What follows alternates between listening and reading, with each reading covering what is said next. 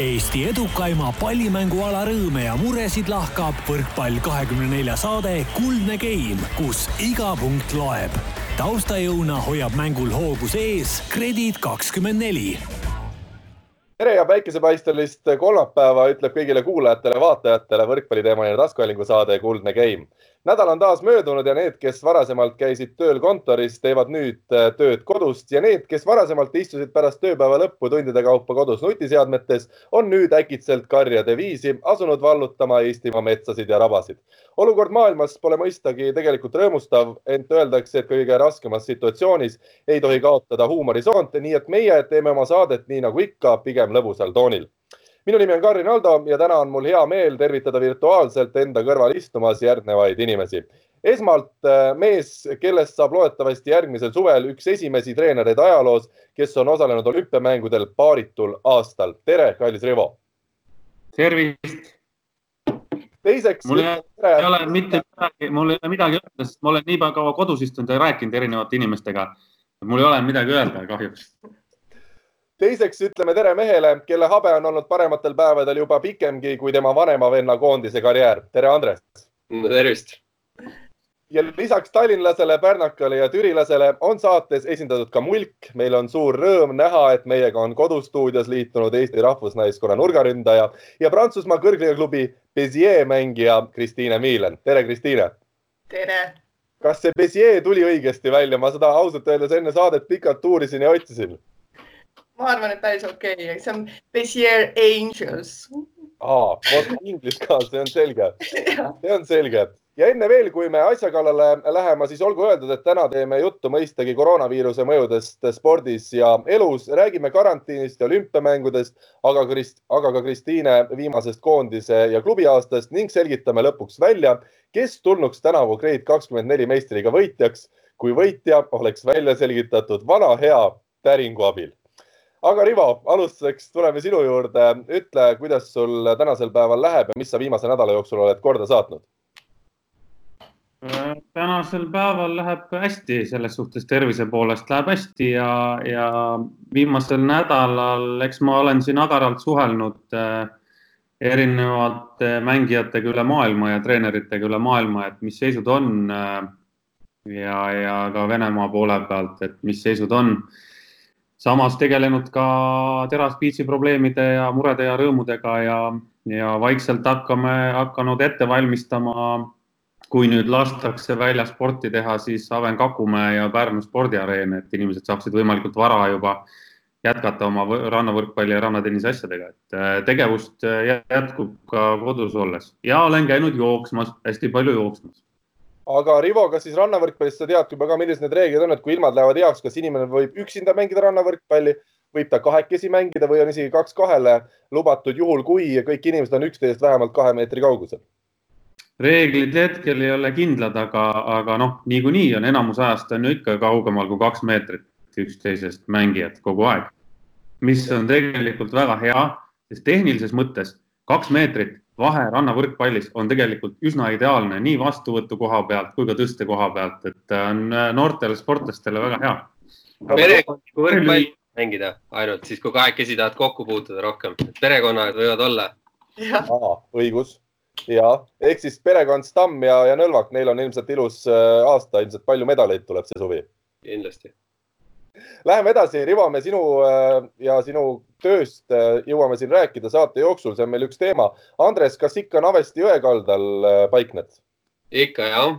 aga sa oled leidnud mingi parema koha, ma saan aru, kodus, sa oled valinud strateegiliselt sellise sidemängijale sobivama koha keset siis ütleme seda korstna või kamina. ja just, et kui eelmine kord olin all nii-öelda suures toas, siis kõik teised ei said vähe, koer, koer ja naine said väga vähe liikuda, et siis äh, nüüd kolisin ise siia üles teisele korrusele, et, äh, et teistel rohkem ruumi oleks, nii et. Andres, ma alustan. olen samas kohas ja, ja nüüd ootan, ilmad on ka ilusaks läinud, nii et nüüd saab uuesti õuearsti minna.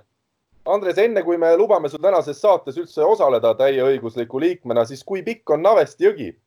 sada kilomeetrit täpselt sada kilomeetrit ja sa oled, sa oled lubatud tänases saates osalema väga,, väga-väga edukalt oled läbinud selle proovi.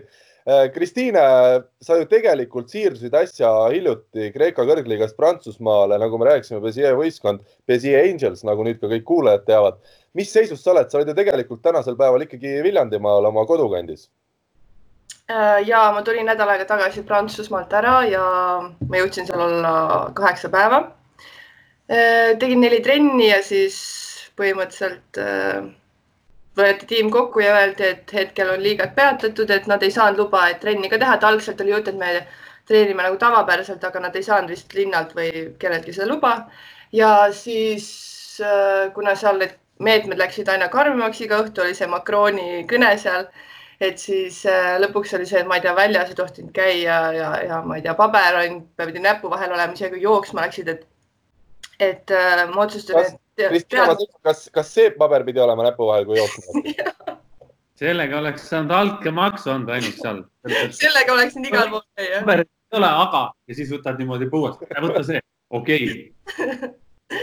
aga ja, ja siis kuna seal mõned, ma ei tea, usakad läksid koju, Horvaat läks koju siis lõpuks ütlesid davai, et äh, võid ka Eestisse minna, aga lihtsalt äh, võib juhtuda, et sa pead tagasi tulema, et hoia vormis ja kuna see on teadmata ajaks peatatud ka, ma ei tea, kas see on kaks nädalat, neli nädalat, ma ei tea, poolteist kuud, et siis mõtlesin, ma pigem äh, olen siin Eestis ja, ja eks siis, kui tuleb tagasi minna, siis lähen tagasi no me rääkisime eelmises saates Robert Tähega, et kui nüüd, kuna nüüd see koondishooaja esimene pool on ju juba ära jäetud, ehk siis rahvuste liiga siis kõige kõrgemal tasemel ja eile meil tuli ka lõpuks ametlik teade, et olümpiamängud Tokyos lükkuvad aasta võrra edasi, siis tegelikult, kas ma olen õigesti aru saanud, et, et nüüd on see võimalik seda liigat ju ka pikemalt mängida, et mängi kasvõi juulikuus keset Prantsusmaa ilusat suve ja saad medalistid välja selgitada, juhul kui see olukord nii kiiresti paraneb jah, ma arvan, et äh, see on täitsa variant, et okei okay,, Prantsuse liiga kohta need äh, nagu meie staff oli veits rohkem skeptiline,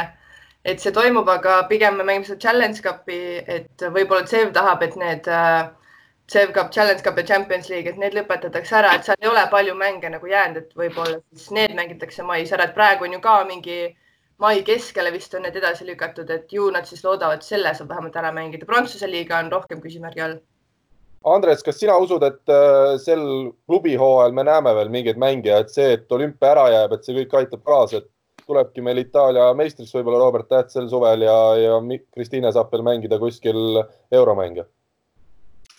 no ja praegult nagu selles mõttes ma arvan, mingeid äh, prognoose või ennustusi ei olegi nagu mõtet teha, et eks siin hoitakse nii kaua veel teatuid nagu siukseid variante õhus, kuni saab, et aga, aga selle, kas sellel mõtet on, ma enam nagu kuidagi miskipärast ei näe, et kui, kui need, kui need asjad, kui juba jah, siin olümpiad asjad edasi lükatakse, et siis, siis on nagu selge see, et, et kõik äh, nii-öelda on läinud nii-öelda sellisele noh, ma ei tea, enda hoidmise ja terviste hoidmiste ja nii edasi režiimile, et siis noh, ma ei näe, et sellel nii-öelda sportlikus mõttes mingit nii suurt väärtust või tulemust on, et, et eks, eks see on iga nagu iga nagu liiga leiab omal muidugi loomulikult majandusliku poole seal, et kuidas nad suudavad midagi hiljem nagu turustada, et, et kui nüüd jätta täitsa kõik ära, et, et noh, selge on see, et Itaalia liigas suured rahad on mängus, on ju, siis, siis üritatakse nagu seda kuidagi mingit moodi veel tagasi teha või, või teenida, et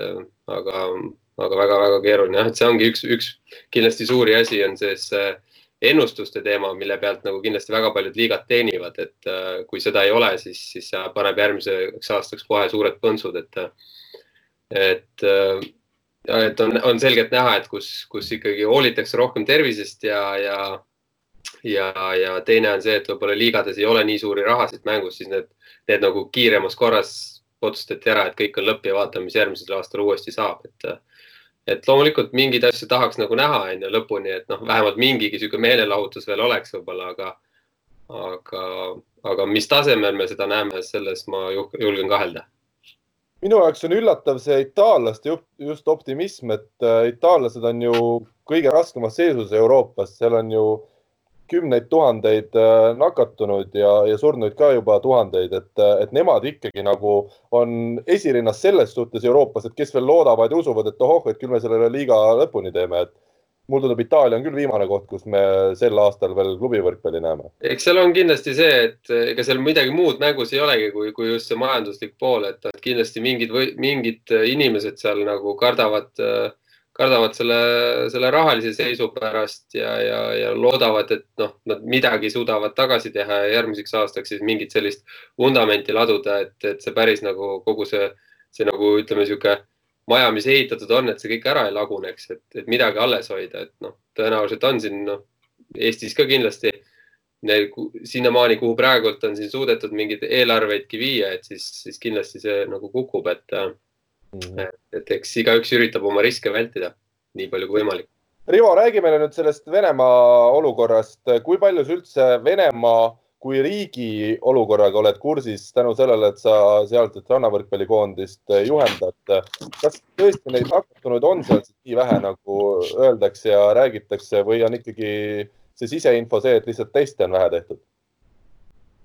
No ma kõigepealt kommenteeriks seda Euroopa liigade asja, et mina ei usu, et keegi midagi enam mängib, sest, sest siin, siin ei tule mängu ainult mitte liiga finantsolukorrad, vaid ka nende klubide finantsolukorrad, sest äh, reaalselt, kui nüüd reaalselt võtta, et keegi tahaks juunis mängida või juulis mängida oma liiga lõpuni või mingisugused meistrite liigad, et CEF võib tahta küll, aga ükski võistkond täna ei ole valmis maksma palka nendele mängijatele.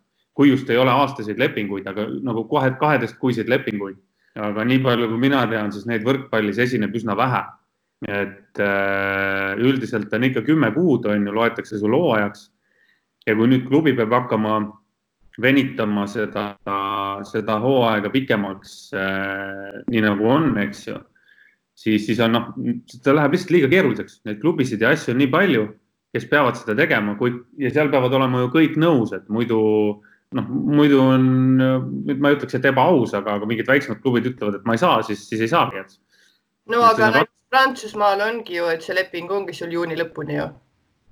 Et no, selles suhtes no.. see on teine asi, see on teine asi, aga siis tekib jälle see küsimus, millal saab hakata trenni, nagu ma eelmine saade rääkisin, millal saab hakata trenni tegema, mis tasemega see turniir siis on, et, et sellist, mitte midagi nüüd halvasti öelda, aga Hiiumaa muruvolle turniiri tasemega ei ole seda mõtet teha, et seal ei ole ka pealtvaatajale midagi vaadata. no näiteks, Venemaa... et no see Saksamaa liiga nüüd äh, cancel dati ja siis see Äh, üks äh, teises meie selles Challenge Cupi poolfinaalis on see Dresden, aga neil pidi olema, et kõik välismaalased läinud ja neil on vist ainult seitse mängijat alles, et nagu minu arust seal pole nagu võrkpalli mõttes nagu eriti mõtet, see tase ilmselgelt ei ole sama, isegi kui me hoiame siin vormis ennast mingi kuu aega, siis ma lähen sinna, hakkan põhimõtteliselt võrkpalliga täiesti nagu nullist peale. see on nagu täiesti uus tiim, et, et äh, selle võrkpalli poole pealt minu arust oleks seis suht kehva, aga noh, ei tea no vot, sama ongi, et seal on nii palju küsimusi ja nii palju lahtiseid otsi, et, et kui siin oleks kaks nädalat jah, või kolm nädalat, maksimum kuu, eks ju, oleks see paus, et siis oleks teine asi ja kui mängijad saaksid nagu mingitki trenni teha, siis oleks nagu teine asi, aga, aga ega keegi ei tea, kui pikalt siin midagi läheb, et, et selles suhtes mina, mina arvan, et ei toimu midagi ära. aga Rivo, räägi nüüd enda olukorrast äh, lähtuvalt sellest, äh, mis su töö tänasel päeval on? Äh, minu olukord on noh, ma ei oska kommenteerida, et Venemaa Võrkpalliföderatsiooniga ma olen olnud iga päev ühenduses põhimõtteliselt ja, ja hetkel, hetkel on kõik kehtib nii nagu kehtib. Nii palju, kui mina tean, siis enne, enne mai algust tänasel hetkel veel Eestist keegi välja ei saa, on ju. noh, kasutan erinevaid kanaleid, et uurida täpsemalt, et kuidas see kõik nüüd täpselt on, eks. ja ka Venemaa pool üritab siis uurida, et kuidas ja mis saaks teha, et hakata trenni tegema. meie koondisega hetkel on nii, et äh, teevad trenni kõik kodus oma erinevate kavadega. Kes saab kuskile saali sisse, lastakse, see teeb saalis ka, aga koos ühistrenni hetkel äh, ei toimu ja, ja kui toimub, siis aprilli keskel esimesed.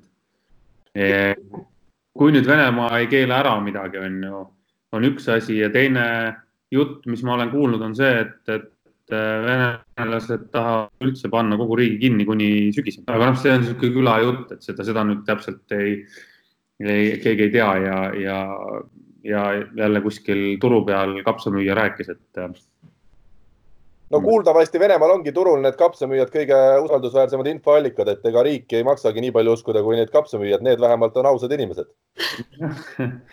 jah, ja, ja nende testide kohta olen küsinud, olen uurinud ja, ja ega infot on sama palju nendel, kellega ma olen rääkinud, kui meil siin on ju, kus me mingist meediast saame, et ega kuskilt tuttava kaudu. fakt on see, et fakt on see, et äh, tulemusi saadakse teada nii palju, kui tehakse teste, et äh, palju neid teste tehakse, jälle ei tea keegi ja palju seal võimekus on, et. Tuleme edasi, meil nädala tegija rubriiki ei ole siin olnud mõtet paraku enam viimastel nädalatel korraldada, kuna lihtsalt pole inimesi, keda valida. küll aga me küsisime ka kuulajatelt, vaatajatelt, et mida positiivset või kasulikku on inimesed tänu karantiinile rohkem tegema hakanud. esimene kord minu üllatuseks oli magamine, viiskümmend kuus inimest ütlesid, et positiivne efekt on magamine. no see nüüd jäägu igaühe enda südametunnistusele, kui tähtis see magamine parasjagu on. õppima on hakanud inimesed äh, rohkem, siis see oli teine variant, kahekümne kaheksa häälega ja trenni tegema minu jaoks jälle üks üllatus, et see oli nagu tabelis nii kõrgel kui kolmandal kohal, et enne inimesed ei saanud trenni teha, sest olid ju spordiplatsid kõik avatud ja jõusaalid lahti, aga nüüd neil täielik karantiin, pead kodus olema, siis ei jää üle, kui hakkad, hakkad või trenni tegema. Andres, sinule kui sidemängijale küsimus, ma tean, et sa oled siin ju vigastusega eemal olnud, aga kui tähtis on just sinu jaoks see, et seda pallitunnetust äh, saaksid, et ma kujutan ette, et kui sa olid ikkagi vigastuspausil, aga enne selle koroonaviiruse jamade algust sa ikkagi tegid regulaarselt mingeid äh, asju palliga, et sul see tunnetus püsiks. kas, kas see on ka hästi tähtis just sinu puhul kui sidemängija puhul, et sa saaksid seda tunnetust igapäevaselt teha kasvõi kodus? No kui aus olla, siis ega ma nüüd äh, peale seda viimast äh, operatsiooni, ütleme enne jõule, mis mul oli, et äh, ega ma pärast seda nüüd väga palju ei ole teinud, et ma ikkagi võtsin nagu noh, algus oli üldse nii raske nagu püstigi seista onju ja, ja siukseid asju, et siis ega ma istudes väga ei, ei viitsinud, et kui see periood on nii pikaks läinud, siis algus hoidsin küll ja päris, päris palju, et niimoodi noh, ütleme koduselt ma väga ei teinud onju, sest noh võib-olla kui ma oleks noorem ja aktiivsem olnud, siis võib-olla oleks kodus ka seda palli plärtsutanud rohkem, onju, aga, aga, aga nüüd äh, see on tegelikult tähtsam võib-olla siis, kui, kui oledki ise natukene nagu noorem, et, et kui nüüd vanem on, siis, siis oskad nendele asjadele võib-olla rohkem ise tähelepanu pöörata, et selge on see, et kui, kui, kui ma nüüd natukene rohkem juba saan jalgadest liikuma, siis, siis ma, siis ma, siis ma neid harjutusi hakkan tegema ja, ja ja see, see tunnetuse hoidmine on, on igal juhul tähtis. noh, ma nüüd ei, ei ütle seda, et ma nüüd sellega nüüd tohutult midagi kaotan, kui ma praegult äh, nüüd kuu või kaks ei, ei tee mitte midagi, on ju, sellele palli ei puutu. aga, aga kindlasti see tähendab seda, et see tagasitulek, kui see palli kätte võtad, siis võtab mõnevõrra kauem aega. Mm. aga, aga selge on see, et äh, selliseid asju on, on kõige rohkem vaja just nagu noortele, et äh, et seal see palli, pallitunnetus äh, tuleb aeglaselt ja, ja, ja läheb väga kiiresti, et äh, see on, see on selge. no meil on üks noor inimene õnneks ka täna siin äh, stuudios kaudselt olemas, Kristiine, kui ma nüüd õigesti ei mäleta, kas kahekümne kolme aastane vist. räägi, kuidas sinul, kas ikkagi kodus see võrkpall on siis kogu aeg käe-jala juures? ei, kodus ei ole mm,. no ütleme nii, et korra olen saanud sind palli puudutada, et ma ei hakka siin detailidesse laskuma, aga eh, pigem nagu ma selle palli pärast hetkel ei muretse, et eh, pigem lihtsalt üldiselt vormis hoida ja ma ei tea, kas see nüüd annab mulle midagi juurde, kui ma siin, ma ei tea, iga päev köksin kellegagi või et pigem oleks ikka vaja spetsiifilisi asju teha, aga ma arvan ka, et see, see mängulises mõttes kindlasti nagu midagi müstilist juurde ei anna, et see on loomulikult tore, kui leiad võib-olla mõne kodus seal kellegi, kellega seda palli plaksutada, aga reaalselt, kui, kui peaks nüüd tulema nädala pärast öelda, öeldakse, et nii, nüüd hakkame uuesti trenni tegema, siis ma arvan, et see midagi muud ei andnud kui see, et sul oli võib-olla kümme, viisteist või, või kakskümmend minutit lihtsama lõbusamat aega. et, et selles mõttes küll. aga tuleme selle inimliku teema juurde, et mida teie siis olete, ütleme kodus rohkem tegema hakanud, ma arvan, et meil iga inimene, kes seda kuulab praegu, on seda vaba aega kodus leidnud äh, rohkem kui äh, tavalisel eluperioodil. Rivo, sa oled ammu, ammu juba vaikinud ja ilmselt mediteerinud seal oma mõtetes äh, sellele küsimusele vastust otsinud. millega sa siis tegelenud oled kodus just äh,? Raamatut olen lugenud rohkem ja, ja. et enne ei lugenud üldse ja nüüd tegid äh, selle esimese kaane lahti, jah? ei, ma, ma ikka lugesin päris tihti, aga äh, tööd olen teinud rohkem. no ja sul vist on, mida teha ka praegu? nii palju aega rohkem üle, et olen äh, vaadanud siin eelmise aasta mingeid mänge pikemalt läbi ja analüüsinud mingisuguseid asju, et et seda tööd on küll kõvasti rohkem tehtud kui, kui muidu, et noh, muidu võib-olla oligi see, et ei olnud seda, ei olnud lihtsalt seda aega, et oli trenn trenni otsa ja siis tõesti, kui pärast tulid hotelli või koju, siis pigem äh, nagu puhkasid, et äh, noh, eile näiteks vaatasin läbi äkki kuusteist mängu Vjatšeslav Krasilnikovi rünnakut, ainult nagu rünnakut, pealeminekut, kõik asjad, tegin oma märkmeid sinna ja et seda, seda asja on küll tehtud palju, jah nii et sa oled avastanud ka midagi huvitavat, mida nüüd trennides äh, tähele panna ja mida rakendada ka oma töös siis või? Äh, jah, midagi nüüd uut väga ei ole, aga väiksed sellised asjad, noh, need on jälle nii väikesed detailid, et nende parandamine võtab kohutavalt aega, aga, aga vaatame, et ma arvan, et sellest tööst on kindlasti kõvasti kasu. aga tead, Rivo, ma ütlen, et kui sul nüüd peaksid need kõik mängud läbi saama vaadatud, siis tegelikult meil oli äh, lõppenud hooajal või lõppeval hooajal, ma ei, Rahvaliigas on meil hooaeg vist läbi, et meil oli üks mäng, mida filmiti üles, et kui sul nüüd peaks tõesti juba maailm nagu läbi saama videote osas, sa võid võtta selle meie video ette ja pärast seda esiteks, ma arvan, sul hakkab jube hea tunne, kui head tööd sina ikkagi oma venelastega oled teinud ja, ja teiseks sa saad ilmselt ka naerda natukene, sest see Rahvaliigas tihti see pall, ega ta mängu ei, ei, ei jäägi, et seal on, mängud on kiired et analüüsida kõike teie vastuvõttu ja, ja peale vastuvõttu pealeminekut ja esimese tempo ründajaid, kui on teil seal, on siis, tead, kes need on? on, aga nad ei saa tõsta, sest meil on vastuvõtt nii halb. keskmine tõstab. mängiti see, keskmine tõstab ei on, esimese tempo mehed on, aga keskmine tõstab, siis nad ei saa tõsteid lihtsalt äh, jah, nii on selge, millega, Kristiina, sina oled vabal ajal nüüd tegelema hakanud rohkem? vaatasin, et sa vist vastasid, oota, kas sa vastasid, et sööma hakkad rohkem ma tahtsin selle variandi panna, siis mitte keegi ei pannud, siis mõtlesin, et valetavad kõik ja ma arvan, et sellega oleks paljud ka nõus, aga kui positiivne see efekt jälle on, see on iseküsimus. aga mida sa oled siis teinud rohkem? ma olen jooksmas käinud päris palju ja, ja koristanud, et lõpuks äh, põhimõtteliselt iga aasta sa tuled äh, klubi hooajal, kohe lähed koondisesse, siis on mõned nädalad puhkust ja siis jälle, et see on nagu sihuke viis aastat sihuke ring olnud, et nüüd esimest korda ma tõesti võtsin kõik asjad kappidest välja äh,, panin kappidesse tagasi ja, ja pakkisin kotid lõpuks lahti, nii et selles suhtes nagu enda, enda tuba olen siin kraaminud.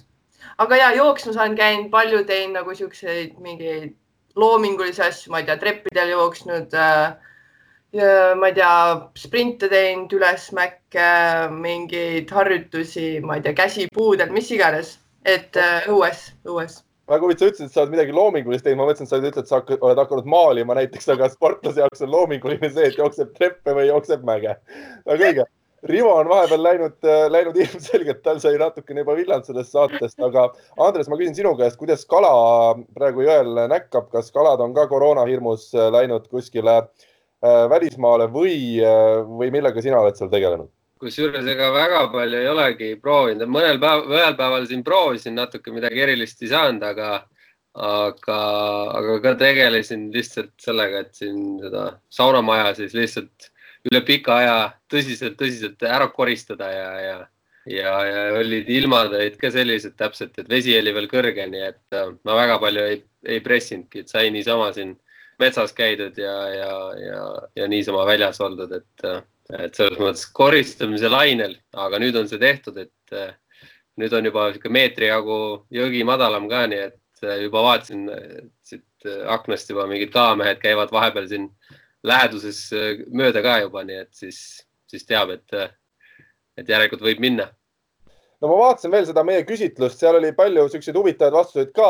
Karl Stamm, Tallinna Tehnikaülikooli endine suur fänn ja nüüdne libero, vastas, et tema on hakanud videomänge rohkem mängima ja siis Timo Lõhmus, Tallinna Selveri diagonaalründaja, vastas ka, et tema on hakanud mängima. mina palun nüüd Karlil ja Timol järgmiseks saateks saata meile need positiivsed efektid, mida annab videomängude palju mängimine. mina olen lapsepõlves palju ka seda teinud, aga positiivseid tulemeid ei avastanud. loodetavasti need mehed on neid palju avastanud, nii et pange kirja, saame teistelegi öelda ja siis soovitada kõigile juba ametlikult.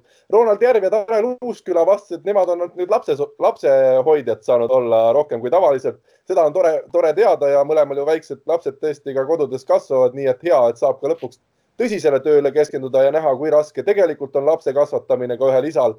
ja Andris Õunpuu on hakanud rohkem süüa tegema ta ei ole hakanud rohkem sööma, aga on hakanud rohkem süüa tegema, nii et tervitused ka Andrisele meie poolt. Ja, ja mis me siis siin veel vaatasime?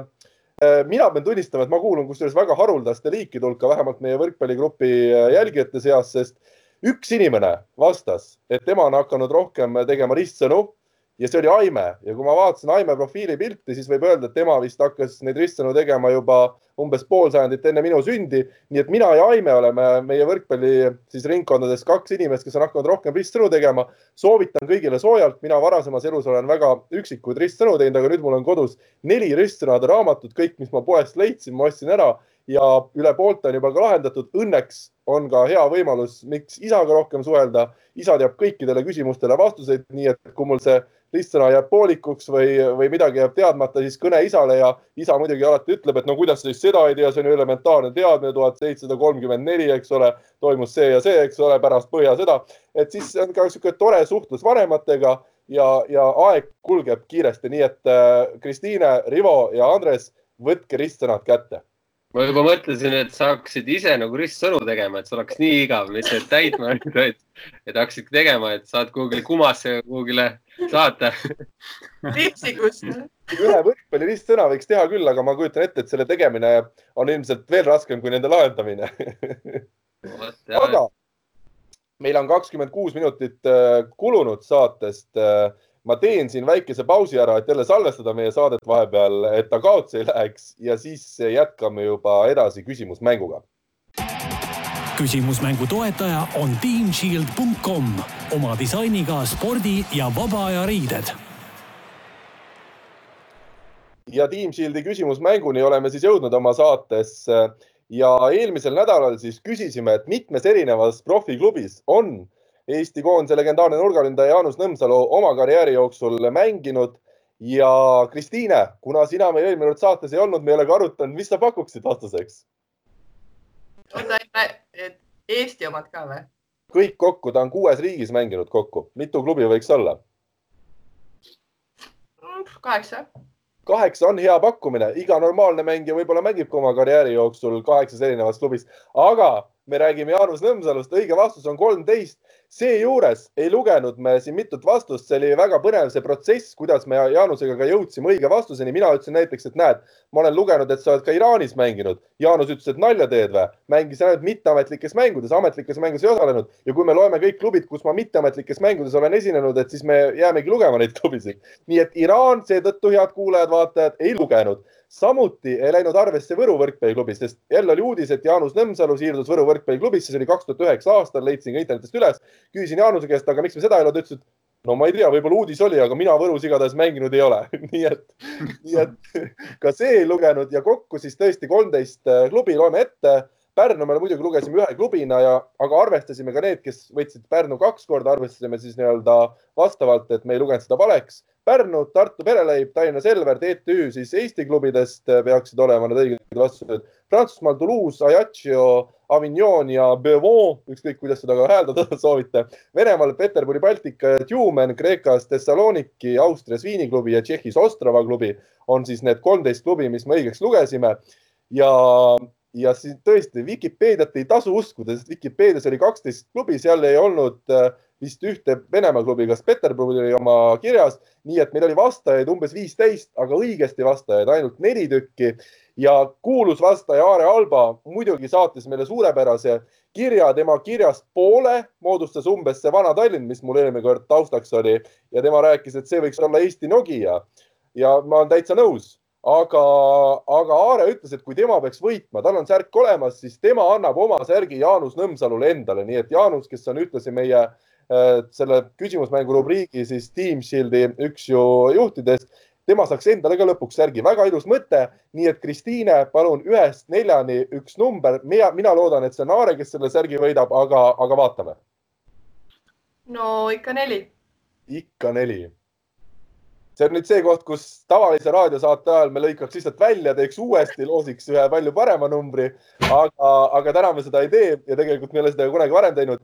Janeli Vantsi on võitnud äh, võrkpalli kahekümne nelja legendide erilahendusega spordisärgi. palju õnne sulle, Janeli. ja nüüd me tuleme uue küsimuse juurde, aga enne veel me räägime sellest, Kristiine mm, -hmm. sa olid noorena ratsutaja Viljandimaal. kuidas see juhtus nii, et ühest noorest inimesest sai ratsutaja? mina kasvasin üles Mustamäel, ma ei olnud isegi hobust näinud enne täisealiseks saamist. no väga lihtsalt, mu ema käis ratsutamas ja siis võttis minu ka kaasa enne, enne esimesse klassi minekut oli see mu arust. ja siis eh, sinna ma jäin, et see hobusehaigus on väga lihtne tulema mis selle hobuse haiguse juures nii erilist on või kuidas, mis sulle nagu eriti, kas sulle hakkasid hobused meeldima või see hobuse seljas hüppamine ja jooksmine tundus nii erilisena?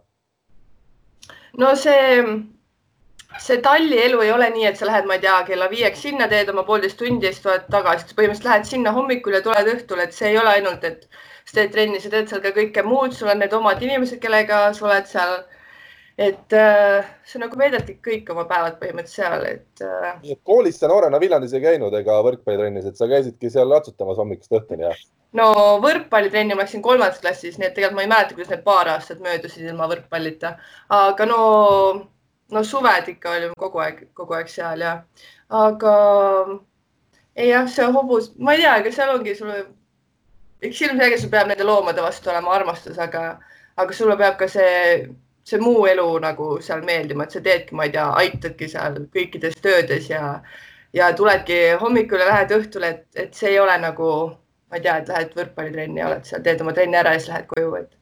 väga huvitav, sa praegu reklaamid Eesti võrkpallisaates seda, kui mõttetu ole on võrkpall, eks ole, et tuled trenni, teed poolteist tundi, lähed koju, mitte midagi ei ole juhtunud, aga ratsutamine, see on, see on selline idüll, maaelu, hommikul ärkad, hobune juba karjatab, au kui nad sul nii karjatasid, ma ei oska, ihaga.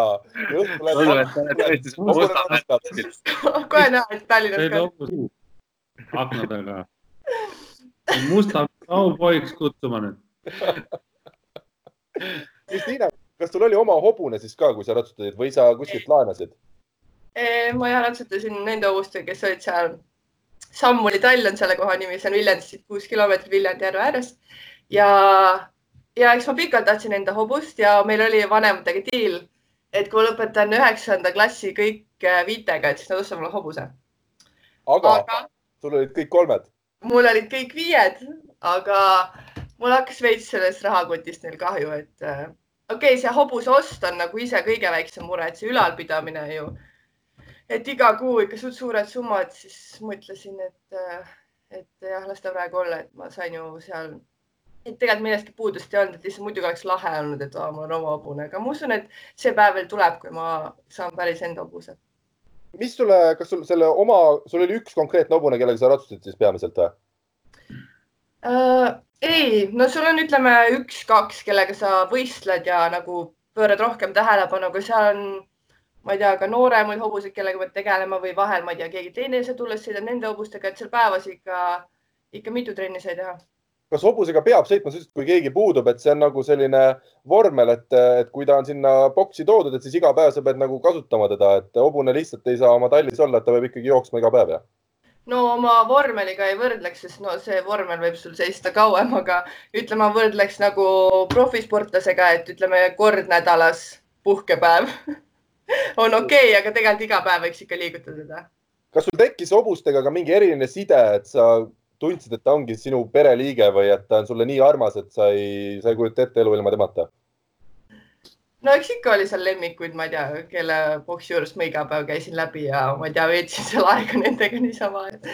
ja aga, aga no ilmselgelt ei ole koer, et ma ta koju toon või mingi poni, et selles suhtes. et äh, no arvused olid ikka, aga, aga ega nagu päris hulluks ei saanud ka minna sa tegelesid takistussõiduga, mitu aastat sa ratsutamisega siis kokku tegelesid? no ma läksin, kui ma olin kuus ja lõpetasin kuskil gümnaasiumis, et tegelikult noh, sellega on, no tegelikult oli mitu aastat nii, et mul hakkasid võrkpallivõistlused, ratsutamisvõistlused nagu kattuma. ja kuna mu pere on võrkpallurite mingi dünastia, siis mul ei olnud nagu väga pääsu, et nad sundisid minema nagu võrkpallivõistlustele, et a la tiimisport ja mis iganes. ja siis sealt äh, tulid nagu konfliktid, et äh, päris pikka aega ma nagu tahtsin võrkpallist loobuda, sest äh, nagu võrkpall kui mänguna mulle meeldis, aga mulle ei meeldinud, et keegi teine tegi need otsused minu eest ja ma nagu no. pealegi sa ainult poolteist tundi käid ära, lähed koju tagasi, täitsa mõttetu. et äh, aga jah, siis ma ei tea, gümnaasiumis äh, kuidagi, siis ma hakkasin mängima seal Viljandi Metallis ja ma ei tea, kõik tulid naiste meistriliigad, see Soome liiga. aega jäi järjest vähemaks, pluss ratsutamises vahetus mul treener ja siis äh, kuidagi see nagu sujuvalt läks edasi. aga no nüüd ma näiteks suviti, kui ma olen see mõned nädalad pausid, siis ma ikka üritan käia ja, ja enam nagu ei ole võistelnud ammu, aga, aga tore on ikka, et see, see ei lähe nagu nii ruttu meelest ära, et isegi mitu aastat ei sõida, et siis sa nagu mäletad. Ivo, sina ah,, sul oli Rivo küsimus kohe, nii. ja, mul on küsimus, aga küsi sa minu käest ära, siis ma küsin edasi pärast. ma tahtsin küsida, et äh, sina oled ka kindlasti elus palju ratsutanud ma olen elus ratsutanud äh, kaks korda. üks kord hobusega ja teine kord lehmaga aga jah, meil oli, kusjuures meil oli täitsa, Kihnus oli täitsa hobune olemas, aga ta oli rohkem. räägi see lehmalugu ära, ma arvan, et see hobusega on paljud ratsutanud, aga räägi see lehmalugu ära. mingi, see oli umbes sihuke huumor, et ma olin väike siis isa tõstis mind lehma selga sekundiks aga lehma naljakas lugu on hoopiski see, kuidas ma olin väike, mingi sihuke kuue-seitsmene. me läksime vanaemaga karjamaalt lehma ära tooma. Eh, vanaemal oli üks lehm siis nööri otsas ja andis teise lehma mulle nööri otsa, ütles, et noh, ta jalutab ise koju, et sa hängid tal tagantjärgi lihtsalt. ja siis, eh, siis midagi talle ei meeldinud ja mingi mootorratas sõitis mööda ja ehmatas, see pani jooksu ja siis ma lohisesin tal tagajärgi sinna, aga õnneks jooksis koju sinna, siis ma lohisesin koduni välja normaalselt. Ma mõtlesin, et teil oli seal Kitse tänaval ikka mingi, mingi korralik hobuse väli, hobuse koppel, et, et seal sai. oi, seal, seal oli kõvasti loomi, erinevaid. et mõtlesin, et Raadikuga kindlasti käisite kuskil seal. aga minul küsimus ratsutamise kohta äh, minu jaoks on ikkagi ja ma arvan, enamus meie jaoks on on ratsutamine, noh, minu jaoks on ikka sihuke musketäride värk, vaata, kaob see mõõk pääse ja paned ringi ja hüppad üle aia või nagu kapten Tenkes hüppas, igas osas hüppas üle selle kaevu kogu aeg. kas see takistussõit on umbes samamoodi, sama põnev, aga ilma mõõga ja kübarata? kübar on ju, mingi sihuke. ja, kaska, ja.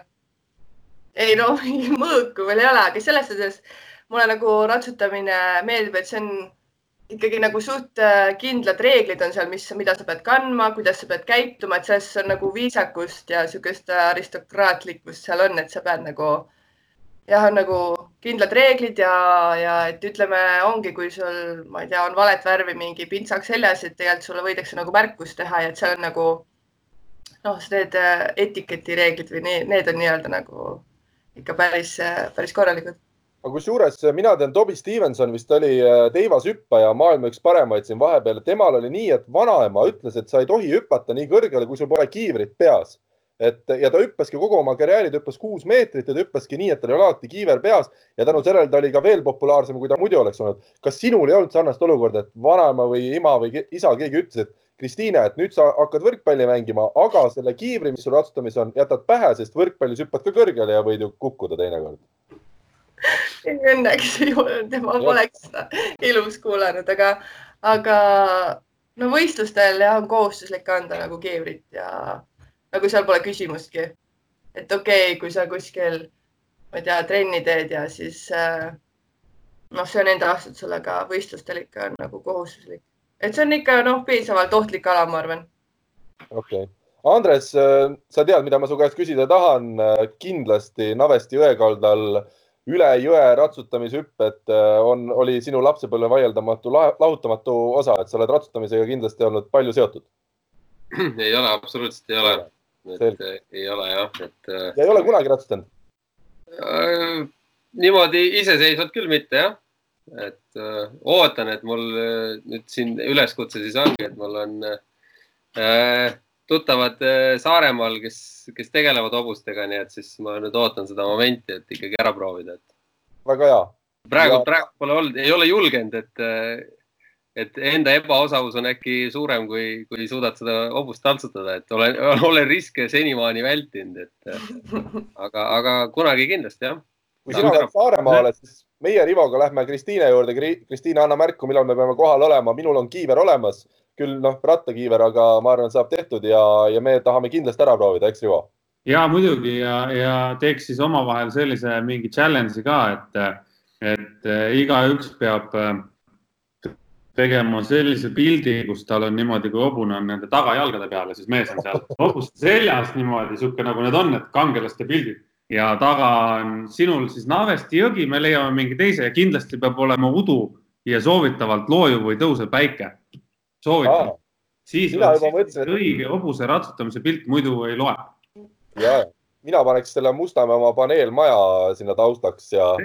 see läheb, kui sa selle ära teed, Karl, sellise pildi oma Mustamäe paneelmaja ees. kindel võit. Õnneks mul on plaanis siit ära kolida varsti vähe ilusamatesse veel ilusamatesse, siis ma ütlen maastikesse. aga läheme siit edasi. Ma küsin vahele, kui kõrged need takistused olid teil, äh, Kristiine, kui te äh, sõitsite? ma olen parkuurina hüpanud kuni sada kümme. sada, aga võistlustel. mina teevast aga võistlustel tipptasemel on mingi sada nelikümmend, sada kuuskümmend need umbes või? ja sada, sada viiskümmend, sada kuuskümmend on nagu maks, millega, mis nagu Äh, need äh, maailmakarika etapid ja need Grand Prix'd hüpatakse, et äh, no üksikult, üksikult ma ei tea, sada viiskümmend viis on vist mu rekord, aga noh, parkuurina või.... üksikult sa mõtled ilma hobuseta või ainult kiivri ja nende ratsutamispükstega. oppi. jah, sada kümme. aga üks küsimus nagu ilma, täiesti ilma naljata küsimus kas hobu, kas ratsutamises on ka mingisugune mingi piirkaal? nagu ma mõtlen, hobuse ratsanikuga kokku panna, ei ole? et noh, vaata näiteks kelgutamises, nagu kelgutamises on piirkaal, mis ei tohi üle minna, onju. et kas, kas ratsutamises on midagi sellist või ei ole? seal, seal ei ole mingeid kaalupiiranguid, lihtsalt äh, ilmselgelt äh, igale ratsanikule leitakse vastav hobune, et sa ei pane mingi saja kahekümne kilost poni selga aga noh, samas äh,. Ratsutamises on vaata üks väheseid alasid, kus on naised-mehed võistlevad koos, et seal nagu sa ei saa neid päris niimoodi võrrelda mm. -hmm.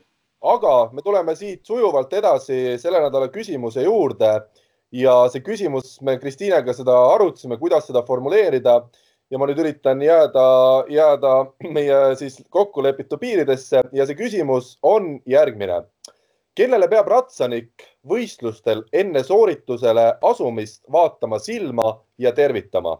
variandid anname ka seekord, kuna me ei ole ju ratsutamissaade ja need on siis järgmised.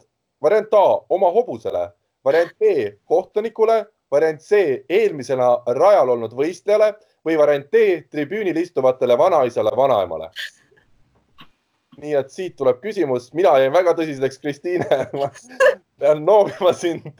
Rivo, mis, äh, ära vastust ütle, aga kas vanaisa, vanaema käisid sul ka näiteks võrkpallivõistlusi vaatamas, sa tegid neile enne mängu, ikka ju lehvitasid?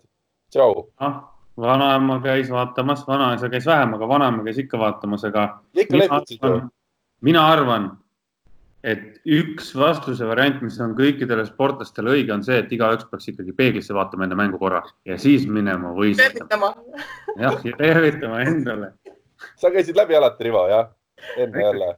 ma ju siit soengu korda ja meik pähe ja peale väga hea, vastused saab saata info, et võrkpalli24.ee ja võrkpalli24 Facebookile ja sõnumitesse. auhinnaks taaskord võrkpalli24 erilahendusega äh, mängusärk, mille siis paneb välja Team Shield. meie läheme siit aga järgmise teema juurde. Rivo, ma tean, sa eelmine kord neid kõlle väga ei tahtnud teha, kuidagi lihtsalt juhata sisse järgmine teema, järgmine, me hakkame praegu rääkima Kristiine tänavusest hooajast, et võib-olla mingi selline mehine lause lihtsalt.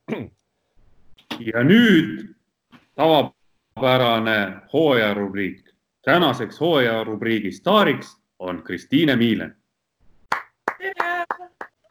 väga hea, Kristiina lepitas praegu vanaisale vanemale, nii nagu kombeks.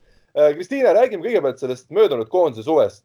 ütle päris ausalt ühe noore naise jaoks, kes on kogu elu võrkpallile pühendunud või pühendamas. kui suur asi see ikkagi sinul oli, et Eesti koondis seal EM-il käis ja sinna üldse pääses?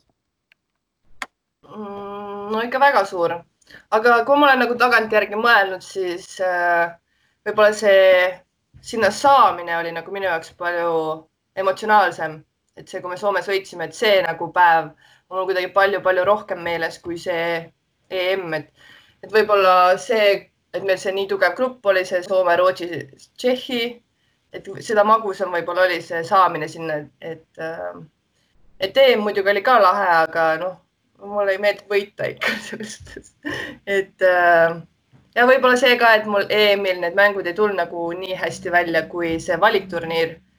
et jah, minu jaoks see saamine sinna oli võib-olla jah, kõige, kõige olulisem.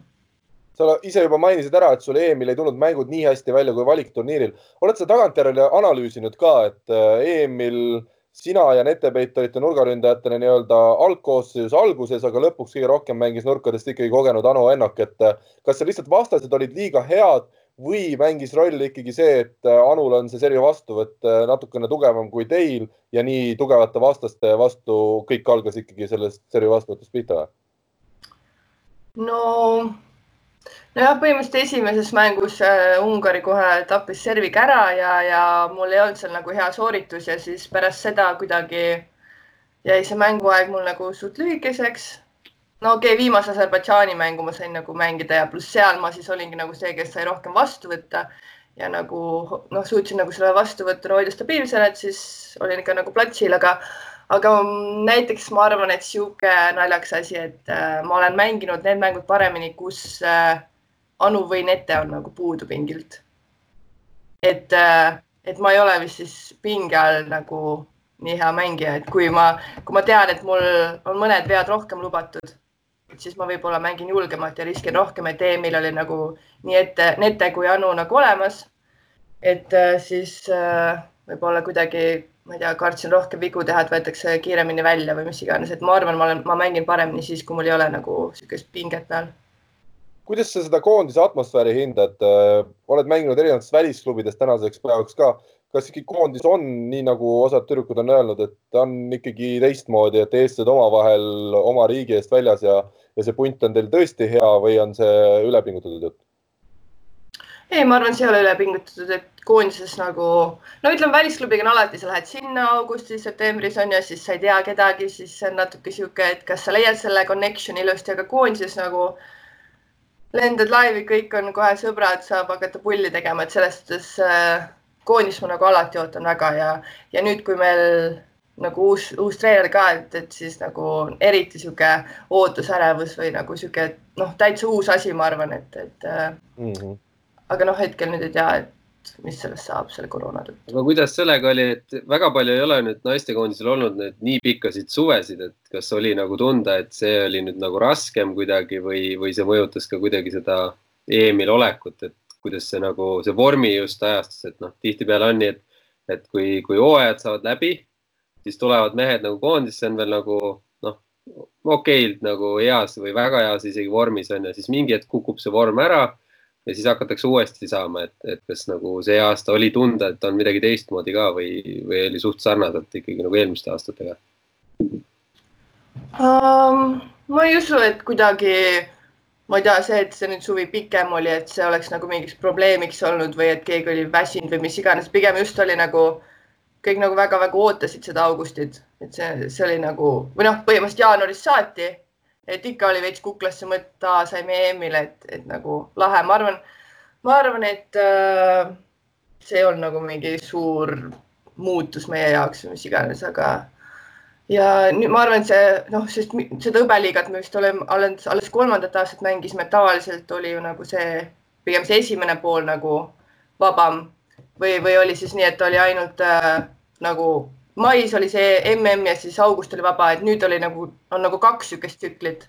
et äh, mulle sobib see paremini, et, et see, ma ei tea, kolm-neli nädalat pausi juulis ja siis hakkad uuesti peale, siis saad nagu täitsa okeis vormis klubi juurde juba minna, et äh, ma eelistan küll näiteks teha seda pre-seasonit äh, koondisega, kui et klubi juures et ma just selle tahtsingi jõuda, et, noh, mis mul endal ka on, oli, oli alati oli see, et, et kui sa läksidki välismaale aga see oli, sul oli nagu see koondise see sihuke põhi all, et sa läksid koondise mängudelt otse, et siis, siis teised olid veel nagu alles sealt noh, sellistest äh, nii-öelda jõusaali treeningutest hakkasid välja tulema, sa olid nagu heas vormis ja tundsid ennast hästi, et, et mis mul noh, selle Prantsusmaa ajal oli ka, et, et läksid hästi varakult sinna, noh, kõik olid suhteliselt kehvas vormis, hakati seal nagu üles ehitama, siis mingid inimesed tulid juurde, kes võib-olla olid natuke paremas vormis onju et eh, osadele mõjus see hästi nagu drastiliselt, et, et, et alati nagu hea minna, kui sa oled juba heas vormis, et ükskõik, kas sa ise mingi hetk natuke kukud ära või mitte, aga,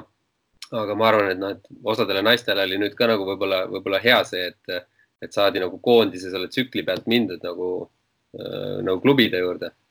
aga no näiteks nüüd oligi, et ma läksin äh,, EM lõppes augusti lõpus, ma sain nädal aega puhkust ja siis ma läksin oma klubi juurde, meil hakkas üheksateist oktoober alles hooaeg, nii et põhimõtteliselt mul poolteist kuud olin seal ja meil oli a la neli jõuksitrenni nädalas ja nagu sihuke korralik pre-season ikka, et siis nagu okay. keha tegelikult andis tunda, et, et noh, paratamatult kui teised tulevad, ma ei tea, kolm kuud puhkavad ja siis minul on see, ma ei tea, viis nädalat juba enne tehtud ja siis ma hakkan jälle nagu põhja nii-öelda laduma, et selles suhtes pigem nagu tervisele natuke hakkas mõjuma. Aga. oleks võinud natuke, natukene hiljem minna kohale, oleks, oleks ja, parem. ma sain nädal aega kodus olla, aga noh, kuna poolteist kuud oli aega ikkagi, siis nagu võrkpalli me tegime seal ikka väga basic ut alles. Andres, ma küsin meestekoondise vaatenurgast sama asja, et kui Kristiine ütles, et nende jaoks ikkagi esimesed sellised pikad suved ja esimene EM ja see atmosfäär ja kõik on lahe, kuna see tuleb sellise tuhina pealt siis äh, te ju tulite koondisesse ikkagi iga suvi vaata, et maikuus ja panite lõpuni välja. kas Eesti koondise meeste puhul on ju ka räägitud, et see atmosfäär on olnud hea, aga kas ikkagi mingi hetk tekkis ka selline tunne, et näed, jälle see, jälle see Gert on seal või jälle see Rait on seal, et kaua ma, kaua ma tulen kevadel, jälle samad mehed on ees ja näed, Oliver ja Rene ja Robert või, või ikkagi seal ka iga aasta, kuna sul oli pikk klubihooaeg selja taga, siis sa jälle nagu ootasid ikkagi pigem seda, et sa jälle vanu sõpru näeks et see, vaata see, see dünaamika on natukene muutunud, et äh, võib-olla noh, mina isegi mäletan neid aegu, kui, kui seal, kui seal olid need natuke vanema generatsiooni mehed sees on ju, et ja, ja see, see asi ei olnud tegelikult noh, võin julgelt öelda, ei olnud asi nii professionaalne või noh, see aeg lihtsalt oligi niimoodi, et, et, et kõik nagu tulevad alati koondise juurde nagu siukse noh, sihuke kui, kui sa ei tule otse klubihooajalt ja sul on ikkagi natuke mõned päevad aega vähemalt kodus olla, onju, siis tulevad sinna hea meelega ja see algus on sihuke hästi-hästi mõnus, kõik suhtlevad ja nii edasi, et eks see, eks see mingi hetk äh, kindlasti seal noh, kõik rahunevad maha ja, ja rohkem on võib-olla siis omaette omades tubades ja trennis tehakse ikka nagu ja istutakse võib-olla kohvilaua seal natukene aega, aga, aga sihukest muud sihukest mulinat on võib-olla vähem, onju et äh, selge on see, et äh, mis mina nagu nägin, oli, oli koondise juures nende aastatega kindlasti oligi see, et see sellise, selline rohkem mõeldi selle peale, et kuidas, kuidas taastuda ja kuidas see asi nagu tundus iga aastaga natukene nagu professionaalsem, et, äh, et võib-olla olidki see siuksed jutuajamistoad olid nii-öelda seal, kus massaažilaud oli, et võib-olla mingid inimesed istusid seal telekat vahtisid ja, ja aeti juttu onju, aga aga sellist niisama kuskil hotelli peal niisugust kellegi tubades istumist nagu toimus nagu väga vähe, et et see oli kindlasti selline asi, mis, mis nagu aastatega nagu panid tähele, et et aga, aga alati on see, et kui koondis kokku tuleb, siis see on nagu pigem niisugune ikkagi tore, tore üritus kõigi jaoks ja, ja, ja, ja ükskõik ja, ja võib-olla isegi mida rohkem nagu oli neid vanu nägu, nägusid, seda, seda toredam, et kui oli uusi, siis võib-olla noh, oli tore, onju, aga, aga võib-olla ei osanudki nendega nii palju kohe midagi rääkida ja, ja sellest ei tundnud ka nii palju rõõmu, et, et oli tore, et tulid ja, ja, ja vaatame, kuidas nii-öelda, nii-öelda meil mängi asi hakkab nagu toimima, onju, aga sa ei, sa ei, kuna sul ei ole nagu eelnevaid võib-olla pikemaid nii-öelda sidemeid nende inimestega, siis, siis see võtab nagu aega, et see on nagu umbes niisugune välis, välismaale mineku asi juba, et või uus võistkond. Aga Andres, kas sina olid, eks ole, siis koondises, kui Robert Täht, kas see oli vist kaks tuhat kolmteist või neliteist, esimest korda Eesti koondises mängis Aavo Keele käe all? mind see aasta vist ei olnud. ma täpselt, see oli, see, mis aasta see oli? minu arust, kas ta oli Rakveres kaks tuhat kolmteist või midagi siukest, mul eelmine kord jäi lihtsalt küsimata, et kas sa mäletad?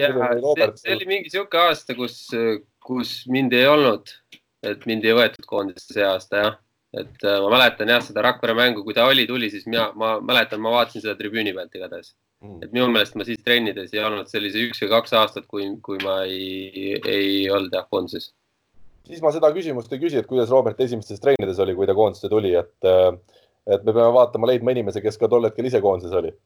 jah, ei selles mõttes jah, ma jah, ei selle kohta ei oska öelda, aga üleüldine on nii, et, et kes need uued tulevad, on ikkagi, on sihuke, kõik on siuksed kergelt hoiavad, mitte distantsi, aga selline kuulavad, vaatavad, et sellist, et eks kõigi jaoks on see sihuke uus ja, ja tundub, et muidugi nüüd, mis hiljem on olnud, et siis, et see noorem generatsioon sellist enam sellist kuidas ma ütlen, niisugust sellist, sellist tunnet neil ei ole, et ahah, et see nüüd on vanem mees ja rohkem aupaklikumad, et nüüd on uue, uuem generatsioon lööb ikkagi suht, suht äh, tuimalt rusikaga kohe ukse peale, et me tuleme, et seda on küll tunda. selge. Kristiine, räägime sinu sellest hooaja algusest Kreekas Panaxios, Panaxiakose klubis kuidas see Kreeka võrkpall ja see liiga ja seal eluolu üldse välja nägi, on sul mingeid selliseid erilisi näiteid ka, mis ütleme, eristavad ikkagi sellist väga lõuna, lõunamaiset äh, paika siin äh, sellega, millega me harjunud oleme uh,? no võrkpalli poole pealt mul tulevad esimesed kohe meelde näiteks need saalid seal. kõik on siuksed väiksed, vanad, sinna, ma ei tea, duširuumi ei taha jalga tõstagi et ütleme, oled harjunud, ma ei tea, siin Eesti koondismängud, et kõik ilusti tarafleks maas, ma ei tea, kõik on vinks-vonks, et selles suhtes näiteks eh, noh, mingi siuksed asjad nagu jäid meelde, aga, aga üldiselt ma olen isegi positiivselt nagu üllatunud selles tasemes. et, eh, et peaaegu kõikidel tiimidel olid välismängijad eh, okei okay,, noh, ma kuulsin seda, et, et ma ei tea, ütleme pooled tiimid teevad seal, ma ei tea, ühe korra päevas trenni, et ma ei tea, pool, noh, hommikupoole inimesed käivad tööl, koolis ja siis õhtul on see üks trenn, et, et, et ei ole nii professionaalsed. aga samas ma ei tea, ma näiteks võrdleks äh, mõnda seda poolprofessionaalset klubi mõne Soome tiimiga, et minu arust see tase nagu oli parem. et äh, üldiselt ma pigem nagu mulle, mulle väga meeldis. kas vahepeal äh, või kas seal on ikka veel lubatud pealtvaatajatel saalis suitsetada ka, et kui ma olen mingi Euroliiga mängul või asjal käinud, siis seal on ikka kohutav popkorni ja, ja suitsuhais. et on olnud vähemalt kunagi, et kas siiamaani lubatakse? Popcorni hais on küll, aga no ma ei tea, seal on vähemalt need sildid, et äh, suitsetada ei tohi, aga, ja mina ei ole ausalt öeldes näinud kedagi sees seal suitsetamas ka et ma tean, et baarides ja kohvikutes ja seal nad suitsetavad sees, aga, aga spordisaalis äh, ma ei ole näinud või vähemalt nad ei tee seda nagu avalikult või, või see ei ole nagu nii tolereeritud seal siis. Ivo, ma võtan sinu mängu, ma saan aru, et sa oled juba tööd tegema hakanud seal, nägu on nii tõsine, et tõesti sa tegeled millegi väga tõsisega. aga kas rannavõrkpallis mängu ajal vabas õhus tohib suitsetada? ei tohi. mängija sa mõtled või? ei ma mõtlesin publikut praegu, Rivo äh,. Äh,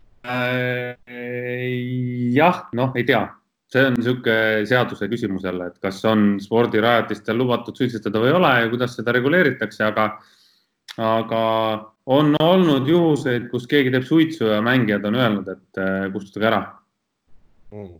segab välja peal lihtsalt see suitsuhaise värgid, et. aga kas sa popkorni sööd, kui sul Oleg ja Vjatšeslav mängivad vahel? mina ei, see mul ainuke asi, mida ma närin, on küüsi sellel ajal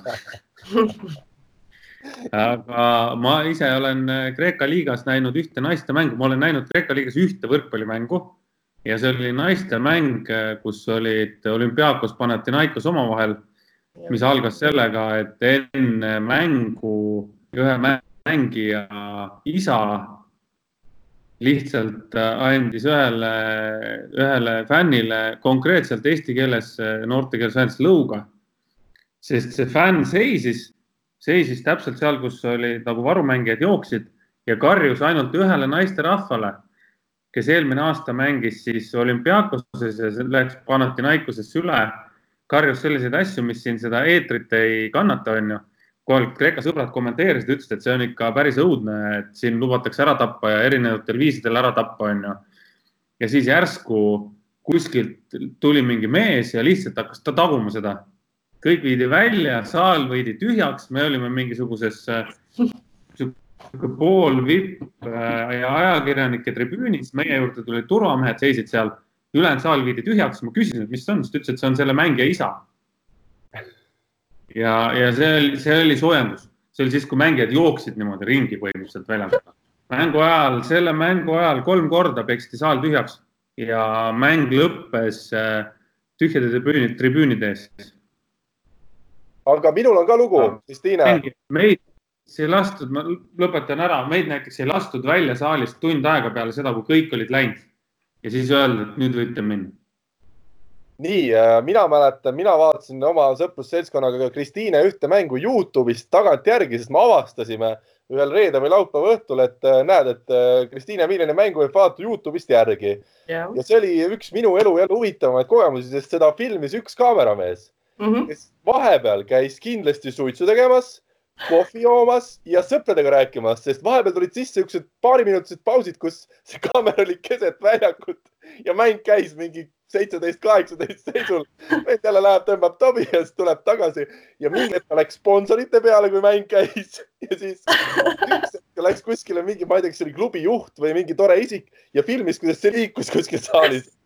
Ma võib-olla veidi, pingutan üle, aga, aga igatahes oli, oli selgelt oli raske, oli keskenduda ainult mängule, sest selle kaameramehe elus toimus nii palju murrangulisi selliseid momente sellesama mängu ajal, et ta ei suutnud kogu aeg keskenduda mängule aga, aga Kristiina. või ta võib-olla ei tundnud seda tehnikat nii hästi veel, ma ei tea. võib-olla ta ei teadnud, ta peab kogu aeg filmima, et, et ta peabki reaalselt olema mängu algusest lõpuni seal. aga sa mängisid tookord hästi ja mulle tundub, et see Kreeka liiga, kogu see värk, et sa sinna läksid, mõjus ikkagi sulle ka enesekindluse osas väga hästi. Rivo läks, Rivo läks järjekordse paki järele kuskile.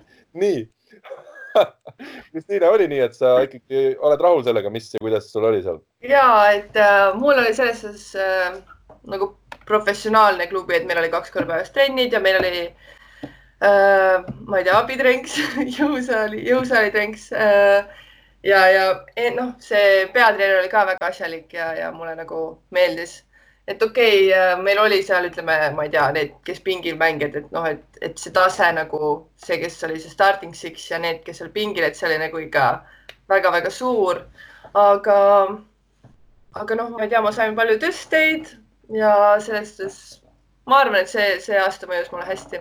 ma tahtsin selle olümpiaakose ja Panathinaikose asja kohta öelda, et, et praegu on ka see nagu megaderbi, kas naised või mehed.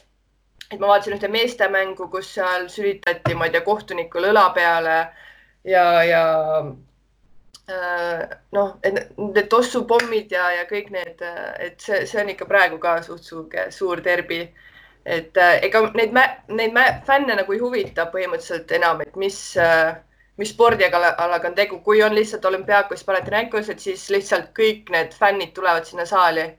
Et see on nagu sihuke põhimõtte küsimus.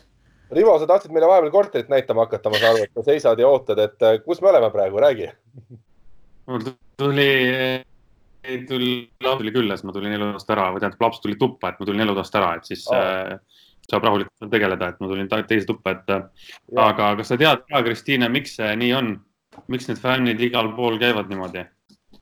No ma tean, noh, see on see Panathinaikos on see Ateena klubi ja Olümpiakos Pireuse klubi, mis on kaks nagu eri linna tegelikult. aga nagu ma ei tea, kust see, miks just see nii, nii suur see derbi on. väidetavalt on tegelik põhjus on see. ma tegin tänase päeva trenni ära, et keegi ei saa öelda, et ma trenni ei tee kodus, nii sul hakkas kell näitama, et sa pead liigutama või? ja, et pole kaks nädalat liigutanud, on aeg. loogiline kell vahe, vahe pidi või tähendab, see pidi olema sellest, miks need fännid ja see fänni teema seal üldse nii kõva on. et fännid on äh, üks osa klubist et kogu see fännide osavõtumaks, fännklubi osavõtumaks läheb klubi eelarvesse ja fännid on siis nagu klubi osanikud või siis noh, aktsionärid ühesõnaga. ja siis neid ei huvitagi, kas on jalgpall, korvpall või võrkpall, kuna see on kõik üks suur klubi, siis nad käivad kõiki toetamas, need ultrafännid. Ja neil pidi olema ka klubi juhatuses üsna suur sõnaõigus. sellepärast nad ka võtavad seal päris palju sõna ja, ja saavad nagu sekkuda asja, et nad põhimõtteliselt kaitsevad öö, äh, oma rahakotti suuremate vaenlaste vastu. no aga see on seal ikka suht ekstreemne, et mul üks tiimikas mängis äh ta vist mängis Panathinaikoses ja tal oli äh, trennis higi pühkimiseks kaasas punane rätik ehk siis olümpiaakose värvides ja treener ütles, et ma ei taha mitte kunagi seda enam siin näha. Et nagu noh, see on ikka suht äh, karm seal ja no meil oli see, et me oleme nagu meie ehk siis Naxos ja Santorini olid nagu kaks ainukest saart seal, et siis see meie mäng oli ka nagu derbi, et et meil läkski seal natukene nagu nugade peale ja kohtunik ei teinud parimaid otsuseid ja siis põhimõtteliselt see mäng tuli nagu katkestada vahepeal mingi viieteistkümneks minutiks, sest, sest need fännid läksid nagu nii hulluks ja see kohtunik ütles, et ma ei saa mängu jätkata, kui niimoodi sõimatakse mind. et seal nagu noh, inimesed lähevad nagu, ma ei tea, lõpuks ikka nagu veits füüsiliseks või hakatakse seal tõukama ja et selles suhtes, et nad on nagu, võib-olla ma sain aru, et see meie mäng, no see Santorini ilmselgelt nagu oli parem tiim kui meie aga ma tunnen, et see, see polegi enam nii palju võrkpallis, vaid see lihtsalt, et ta saaks selle emotsiooni nagu välja, et nad saaks kedagi selle laupäeva õhtu seal, ma ei tea, oma selle kire kuskile kellelegi nagu suunata, et, et. kusjuures öeldakse nii isegi ajalooliselt, et sõjad on olnud alati mingite ajaperioodide tagant, sest inimestel tekibki selline tung mingi sellise sõjaseisundi järel, et see elu peabki natuke jälle põnevam oleks, siis on sõda ja pärast sõda on kogu nagu ühiskond või inimesed, ole see kreeklane või eestlane, on jälle rahulikum, et tänapäeval ju siis sõjaolukord tekitataksegi nagu vägisi selliste spordiürituste kaudu. jalgpallis me näeme sarnaseid asju iga päev ju no seal oligi, et me olime kaks-üks taga ja neljandas skeemis, ma ei tea, kümne punktiga taga ja siis seal läks nagu täiesti tsirkuseks, et meie kohtunik tegi meie kasuks mingi halva otsuse, siis meie mänedžer seal hakkas, ma ei tea, mis sõnadega sõimama, sai kollase kaardi siis sai punase kaardi, aga see, see fänn nagu kütab aina üles ja siis meie treener lõpuks seal ütles midagi, saadeti minema. et, et see nagu noh, lõpuks see võrkpall oli nagu nii, nii tagaplaanil seal, aga ma ei tea, minul kui mängijal, kes ma tulen Kreekasse mängima, lõpuks nagu mul viskas üle, et ma ütlesin, et nagu, et, et ma ei tea, mängima panen selle mängu lõpuni, et, et ma ei tea, noh, mina tulin ikkagi sinna sporti tegema, et okei okay,, tore küll, viis minutit nad teevad pulli seal, aga, aga see läks nagu veits üle käte mu arust Ivo, siit ka äriidee, me oleme ikka saate jooksul, sa tead, varemgi häid äriideid siin genereerinud. teeme nii, et paneme Eestis, kui Tallinna Selver mängib TTÜ-ga, paneme Panathinaikos olümpiaakos ja siis saadame äh, sinna kuskile Kreekasse sõnumi, et näed, reis to Estonia ja Panathinaikos olümpiaakos mängivad. ma arvan, et meil on saal täis ja on siuksed publikurekordid ja tunnelma on, on väga kõva ma arvan, kuskil tont, sa pead üle viima selle mängu siis siin, äh, siin, siin Karl äh, näha, et tegemist ei ole kõige suurema ärimehega, et siin tuleb mõelda juba turvameeste kuludele ja muudele kuludele ka, et. Showroom annab tasuta meile vanade, vanade mälestuste nimel. me peame pileti lihtsalt hinnas äh, kokku leppima, et siis saaks, saaks plussi kuidagi väga hästi. Kristiine, ma saan aru, palju huvitavat Kreekas juhtus, aga palju sa mängijana arenesid ja palju sa oled üldse, ütleme, viimase aasta jooksul koondis pluss klubi kokku edasi läinud ja, ja millistes elementides sa tunned, et sa oled paremaks saanud um,? no ütleme, et äh, ma ei tea nüüd, kas, kas see tähendab, olen nagu paremaks saanud, aga näiteks Kreekas nagu mul ei servitud põhimõtteliselt üldse. ma ei tea, vaata, olen vahel sulle statistikat saatnud, sa küsid, kas see on õige, et ma ei tea, neli vastuvõttu. et ma ei tea, see teine nurk oli nagu brasiillane kes minu arust oli täitsa okei okay mängija, aga kas nad siis, äh, ma ei tea, tahtsid teda, ma ei tea, välja võtta, et ta ei saaks rünnata, mis iganes. et, et äh, ja samas, kui oli mänge, kus ma sain nagu vastu võtta, et siis nagu tuli täitsa okeilt välja, et pigem koondises on see vastuvõtt olnud nagu sihuke, sihuke nipa-napa, aga ma ei tea, Kreekas ma tundsin nagu enesekindlalt, aga noh, ma ei, ma ei saa päris täpselt veel nagu aimu, kas see tõesti läks paremaks või lihtsalt, ma ei tea, joppasin need mängud, et ma nüüd ootaksin seda koondist, et näha, kuidas seal nagu, kas ma suudan selle nagu sinna ka viia. ja võib-olla serv, et, et tihti oli nii, et kui ma tundsin, ma ei tea, üks-kaks servi, hüppelservi läksid kuskile metsa, et siis ma nagu lõpetasin, aga nüüd ma nagu võib-olla rohkem nagu enesekindlust saanud sellega ja et, et ma ei tea, isegi kakskümmend kolm, kakskümmend kolm, et ma ei hakka seal pussutama, vaid ma mõtlengi, et davai, ma lähen panen. et, et ma üritan nagu veits nagu mängijana nagu täiskasvanulikumaks saada. kusjuures siin on väga huvitav moment jälle meie saate ajaloos, meil on saates näo ja jutuga neli inimest, üks naisterahvas, kolm meesterahvast ja kui ma nüüd ei eksi, siis ainuke meist, kes lööb tugevalt hüppelt servi, on ikkagi Kristiine ju on ju nii, Rivo, ega sina olid ainult planeerivat äh, karjääri lõpuni ja Andres, nii palju kui mina sind mängimas näinud olen, siis ikkagi ka planeeriv, jah? nojah, väga-väga harva, kui võib-olla alguses panin, aga lõpus kindlasti enam mitte, et vist ma ei tea, kas ma Slovakkias ka äkki mingi hetk natukene, aga, aga mitte jah, sellistel otsustavamatel momentidel. mis tunne on, Kristiina? mina, mina lõin hüppelt servi, mina lõin hüppelt servi küll, aga mitte tugevat ma olin sellist kas sa oled Eesti? platseeritud või? platseeritud hüppelt servi, jah, taktikalist. kas Kristiine, sa oled Eesti ainus naisvõrkpallur, kes praegu lööb tugevat hüppelt servi või? või on keegi meil veel, mul ei tule praegu meelde. no nüüd minu arust äh, koondises Kertu ka üritas, aga, aga ta üsna ruttu minu arust läks planeerivale tagasi. et äh, ta ei ole vist vaata nii pikalt teinud ja siis no eks see võtabki nagu pikalt aega, et tal on väga hea planeeriv serv, et ma nagu saan aru temast. kusjuures mina ka, ma võin oma karjäärist ka rääkida, sel hooajal ma olen ikkagi hakanud hüppelt servi vähemalt trennis harjutama rohkem ja ma olen mängus olnud täpselt kolmel korral Rahvaliigas hüppelt servi. kaks esimest läksid seina sõna otseses mõttes, sein ei olnud ka kaugel muidugi, ta oli sealt öö, otsajoonest ütleme paar meetrit, aga ikkagi seina ja kolmas oli servi äss, sest vastaste diagonaal, ma lõin nii nagu lambilt selle sinna eemale, et vastaste diagonaal, kes oli sihuke ka noh, vanem mees juba kõht ees, ta ei jõudnud eest ära tulla sellel pallil ja nii ma sain kirja oma elu esimese hüppelt äh, tugeva siis äh,, noh, tugev on nüüd palju öeldud, aga servi ässa, et äh, alati tasub, ma ei teagi, mis selle. servi äss oli viimane, viimane serv sulle. lõpetas tipus ei, me kaotasime null kolm ja aga ma mõtlen, kas see servi ässa oli nüüd kaks esimest tegid vea ja siis panid ässa või, või kuidas see, see jada läks? ei, ma olen, ma olen tasa ja targu, ma ei ole selline kiire, et ma esimene kord proovisin hooaja alguses, siis läks seina, ma sain aru, okei okay,, paar kuud veel trennis tuleb vaeva näha. teine kord oli siis hooaja keskel, siis ma vaatasin, et ikka ei tule ja hooaja lõpus vist nii suva juba viimane mäng ja niikuinii saime null kolm pähe, et ma mõtlesin davai suva ja, ja. ja jõuamegi järeldusele, et lõpeta, lõpeta tipus nii võib küll kokku võtta selle toreda mõtte, mis Andres praegu kuulajatele ja ka minule edastas. Äh, Kristiine, mis järgmisel aastal saab, ma saan aru, et praegu veel hooaeg ametlikult on pooleli, aga on sul mingid mõtted juba tekkinud ka või?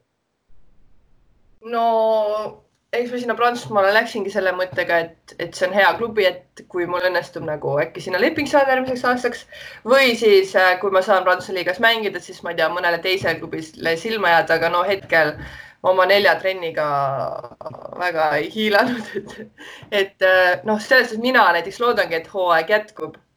et äh, mina, ma just ju läksin sinna, ma sain väga hea võimaluse ja mulle siin nagu need neli trenni mulle väga-väga meeldisid, et äh, ma nagu loodan, et see hooaeg jätkub, sest noh, mulle võib see nagu järgmiseks hooajaks siukse hea hüppelaua anda. aga, aga noh, mingi nipad-näpad, mõned treenerid siin on kirjutanud, aga mitte midagi nagu kindlat.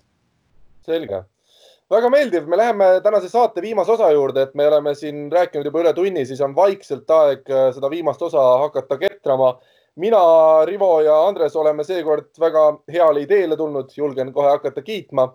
kuna Grade kakskümmend neli meistriga Final Four jäi seekord ära, siis me teeme oma Final Fouri täna ja edasi siis palume ka kõigil vaatajatel, kuulajatel, huvilistel oma Final Four läbi teha mis on meil abiks, on meil täring, me oleme võtnud äh, telefonis äh, kõik äh, täringu äpi lahti ja me hakkame siis läbi mängima tänavuse Grade kakskümmend neli meistriga finaalturniiri ja loomulikult Andres Tallinna Selveri abitreenerina me anname talle Tallinna Selveri võistkonna, et siin tekitada ka natuke intriigi, kui Selver jääb finaalist välja, siis on selge, kelle pärast ta välja jäi. nüüd ma olen viisakas ja küsin, Kristiine, kas sina võtad Saaremaa võistkonna, Jekapilsi luuži või Tartu Bigbanki endale? Ma võtan ikka Saaremaa. ikka Saaremaa no,. millise võistkonna sina soovid endale võtta?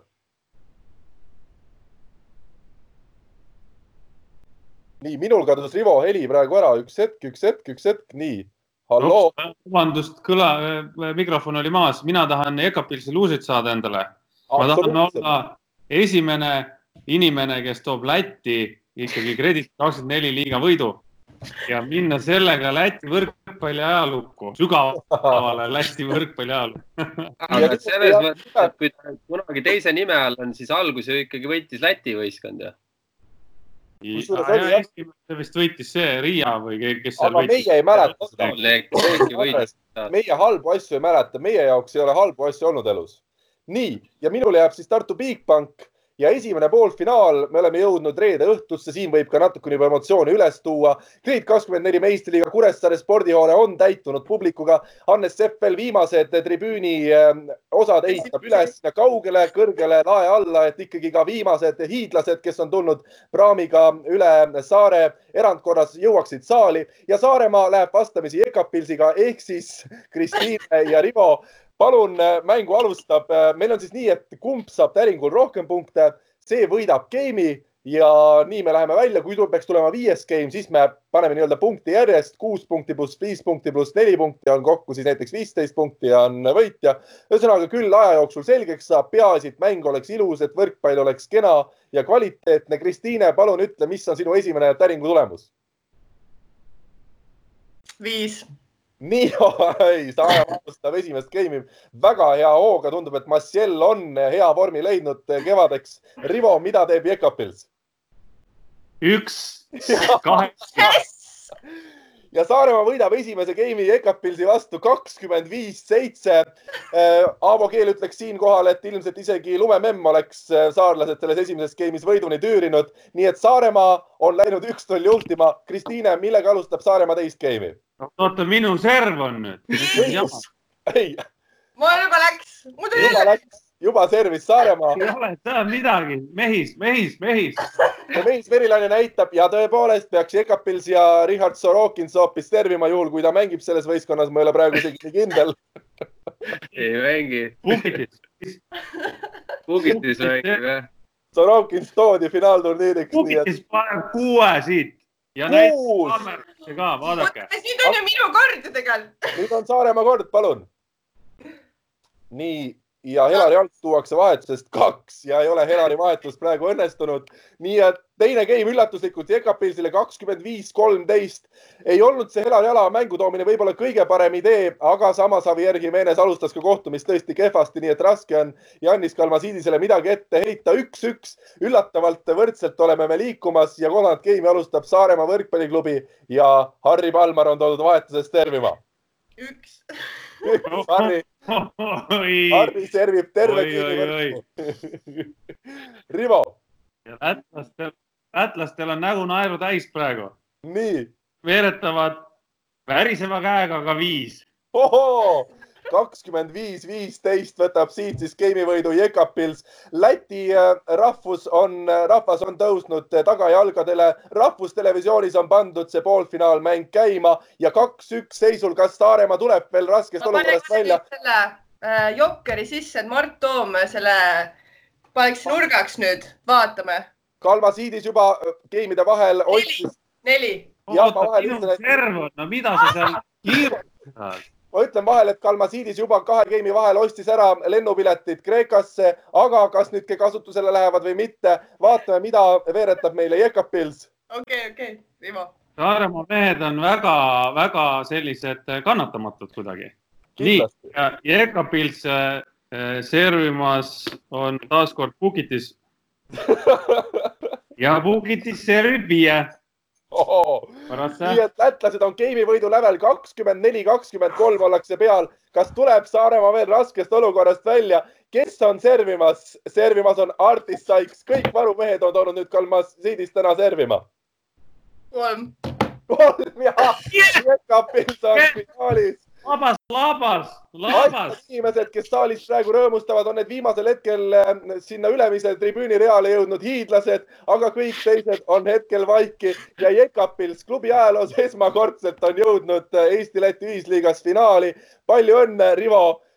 ütleme ikkagi Sorokins oli see, kes mängu ära tegi. Pukitis. Ja peatreener, uus Jekapilsi peatreener Rivo Svesiks. Rivo Peesiks ja siit tuleb ka sinu seest küsimus, keda sa ootad paremas meelegas finaalis vastaseks, kas Tartus Bigbankis või hoopis Tallinnas Selvers? see peale sellist mängu meil ei ole mingit vahet enam. hoogs on sees. kell on saanud seitse või kaheksa, mis kell iganes see poolfinaal algama peaks ja tundub, et Andres on ka liigutanud natukene oma eh, asendit seal varumeeste pingil, et võistkond oleks valmis. ja nüüd siis, ahaa, Rivo, sina saad eh, viia siis kommenteerimise läbi, kuna ma pean, ma pean osalema, ma pean Tartut aitama. Nonii, ähm, kõigepealt teeme ära loosimise, kes läheb esimesena siis servima ja loosin siis numbri kõigepealt Carl Rinaldole, kes on Tartu võistkonna nüüd uus peatreener alates siis sellest tänasest ja sinu numbriks on ja Andres Toobal, Tallinna Selver.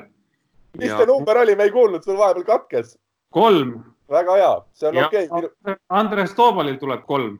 ahhaa. rahvaliigas on kolm maksimum. kahe palliga mängime, tundub. Karl Tarmo kolm ja Andres Toobal kaks, nii et Karl, sina alustad servimist ja servijoonele läheb Tartu Bigbank ja üllatuslikult läheb esimesena servima Ronald Järv, sest kuna äh, Märt Tammearu on teinud viimased trennid kehvasti kaasa, on Gert Toobal liigutatud nurgaründaja koha peale ja vanameister on, on, on väga-väga täis ja palun, Ronald. Ronald Järv vaatab publikusse, kaksikud on seal juba kenasti koos naisega jälgimas mängu ja saavad aru, mis toimub. isal tuleb hea serv. silma lehvib hobusega aga Ronald on ikkagi, ei ole tänavusel hooajal palju mängida saanud ja alustab veaga, üks. nii. nii, Karli Allik vastab. oi Jeesus, hävitab, Selver hävitab Tartut praegu. sellest sai teisena servima kohe ja lõpuni välja, nii et polnud probleemi. mis seisuga see game lõppes? hävitab Tartut kakskümmend viis, kaheksa Ossar raks. Tartul ei tulnud mitte midagi välja selles game'is, aga ei ole midagi. Tartu uus peatreener on juba vastu võtmas ühte suurt kinga, aga veel ei ole midagi lõppenud ja Selver Tallinna võrkpalliklubi eest äh, asub servima äh, Schmidl. Schmidl, nii. ja, ja Schmidl alustab ka! ja siis Schmidl paneb kohe ässa Tartu poolt servima Mart Naaber, kes on see aasta väga häid serve näidanud. aga mitte Tartu eest. aga mitte, aga mitte Tartu eest, jah, vabandust. Äh, kes see teine pikk poiss seal oli? Alex Saaremaa, vabandust, Alex Saaremaa. Alex Saaremaa läheb servima. ütlen vahepeal treenerile käis juba Alari Jõesaar, ütles sõnad peale, et sul järgmine hooaeg pole mõtet Tartusse tulla, et võid jälle jääda pealinna, et äh, esimese game'i kaotus oli juba nii piinlik, aga mul tuleb kolm kahjuks. ja teine game on juba selles suhtes pingelisem, et seisuks tuli kakskümmend viis, kolmteist. tundub, et Tartu hakkab ennast koguma, kuid nüüd on Tartu selg vastu seina, uuel noorel peatreeneril on selg juba põhimõtteliselt seinast läbi, teispool seina. ja kes läheb Tartu poolt servima nüüd? see loomulikult on see Siim Tammearu. Siim Tammearu, selge kohe tehti vahetus ainult selle nimel, et kohe esimene serv teha või? just. ja mõlemad Tammearude vanemad vaatavad publikust nii nagu iga teist mängu ja kolm, mulle tundub, et äh, ma juba uh,, Alari Jõesaar juba tuleb jälle lähemale. et igaks juhuks, et, et ma siin mingit puskut ei tee, siis ma vajutan siit. nii ja nüüd servima läheb ise, Andres Toobal vahetab ennast sisse, üllatuslik käik ma ja. olen ju nimekirjas olemas, nii. ja tuli neli. ja neli, kakskümmend viis, kakskümmend kolm. Selver on võitnud selle tasavägise mängu ja Senkeri liiga või vabandust, Kredit kahekümne liiga, kahekümne nelja liiga on täiesti ootamatult saanud endale huvitava finaalpaari, milleks on Jekapilsi Luusi ja Tartu Bigbank mõlemad suurfavoriidid on väljas mängust, mängivad kolmanda koha peale ja kes oleks seda oodanud enne seda põnevat kolmapäeva hommikut? ainult, ainult Igor Mang, aga teeme siis pronksi mängu ka läbi või? ikka. ikka jah, medal on medal ikka noh. kui ma praegu seda medalit ei saa, ma arvan, ma saan Saaremaale sissesõidukeelu sina ei saa nagunii. saad isikliku ainult võib-olla poole aastase. Nonii, teeme loosimise ära. Äh, Kristiine Miileni number on kolm ja Karl Rinaldol on number kuus, nii et serv alustab, kui sa saad valida, Karl, kas sa võtad servi või vastuvõtu? mul on, mul on nii hea vastuvõtt, et ma ei võta seda, ma hakkan servima kohe seina. no nii, nii, selge, ma ütlen, kes servib ka või? ikka. kuule, aga kas Rikberg. mängu, pronksi mänguks sind ikkagi jäeti peatreeneriks või ei jäetud? jäeti veel? nii kiiresti. suva, kas tuleb või ei tule ja ma olen teinud siukse lükke, et ma olen toonud äh, Rait Rikbergi siis praegu temporündajaks koos Alar Rikbergiga, et Alar saaks ka Indiaka kõrvalt teada, milline on tegelik äh, spordimäng, vähemalt ise väljakul olles. ja, ja, ja, keskmine tõstab nii, et siin on suht head, head sidet seal. ja absoluutselt. ja vaatame, mis, mul ei tööta praegu see täring muidugi. nii, minu, minu servimasin on praegu, ma proovisingi servimasinaga tegelikult alustada seda game'i, aga see uus masin, mis me ostsime, ei tööta praegu millegipärast ah,. nii, neli, neli tuli. sa vajutasid vale numbriga ka muidugi vist. sa vajutasid nelja või selle, kus neli Vajutama. seda on. aa, vajutasin jah. Andres teab paremini seda täringumängu. Tartu meeste treener, peatreenerile esimene hoiatus sohi Ma olen- tegemise eest. Ma olen pikemalt treener olnud, tundub, et ma tean. aga ma panen uuesti siis selle õige asja, ma sain nüüd tööle. pane uuesti. kuus, opa, väga hea viga, see oli treeneri punkt praegu. võima- ja võimas, asetuse viga meelega pandud, et saaks ise seal servida. nii, Saaremaa. Saaremaa üks ja huvitavad, kõik need esimesed game'id lähevad nagu ühte auku, et ka seekord äh, Tartu ilmselt selle eelmise kaotuse viha pealt võttis game'i kakskümmend viis, neli ja võimas, tõesti võimas mäng. kas ma võin ka, võib ma ka ütlen, mis ma ütlesin Kalmasiidisele, kui ma sealt vahetasime pooli? ikka, ma ütlesin talle, et you are bad. sa pead kreeka keeles midagi ütlema. Malaga, Malaga. nii, aga alustame teist game'i, kes? Saaremaa poole pealt servib. ja servima tuleb huvitav, Kristiine Miilen tuleb, kes on kõige tugevama serviga eestlane, saime tänases saates teada. ja ta servib kolm.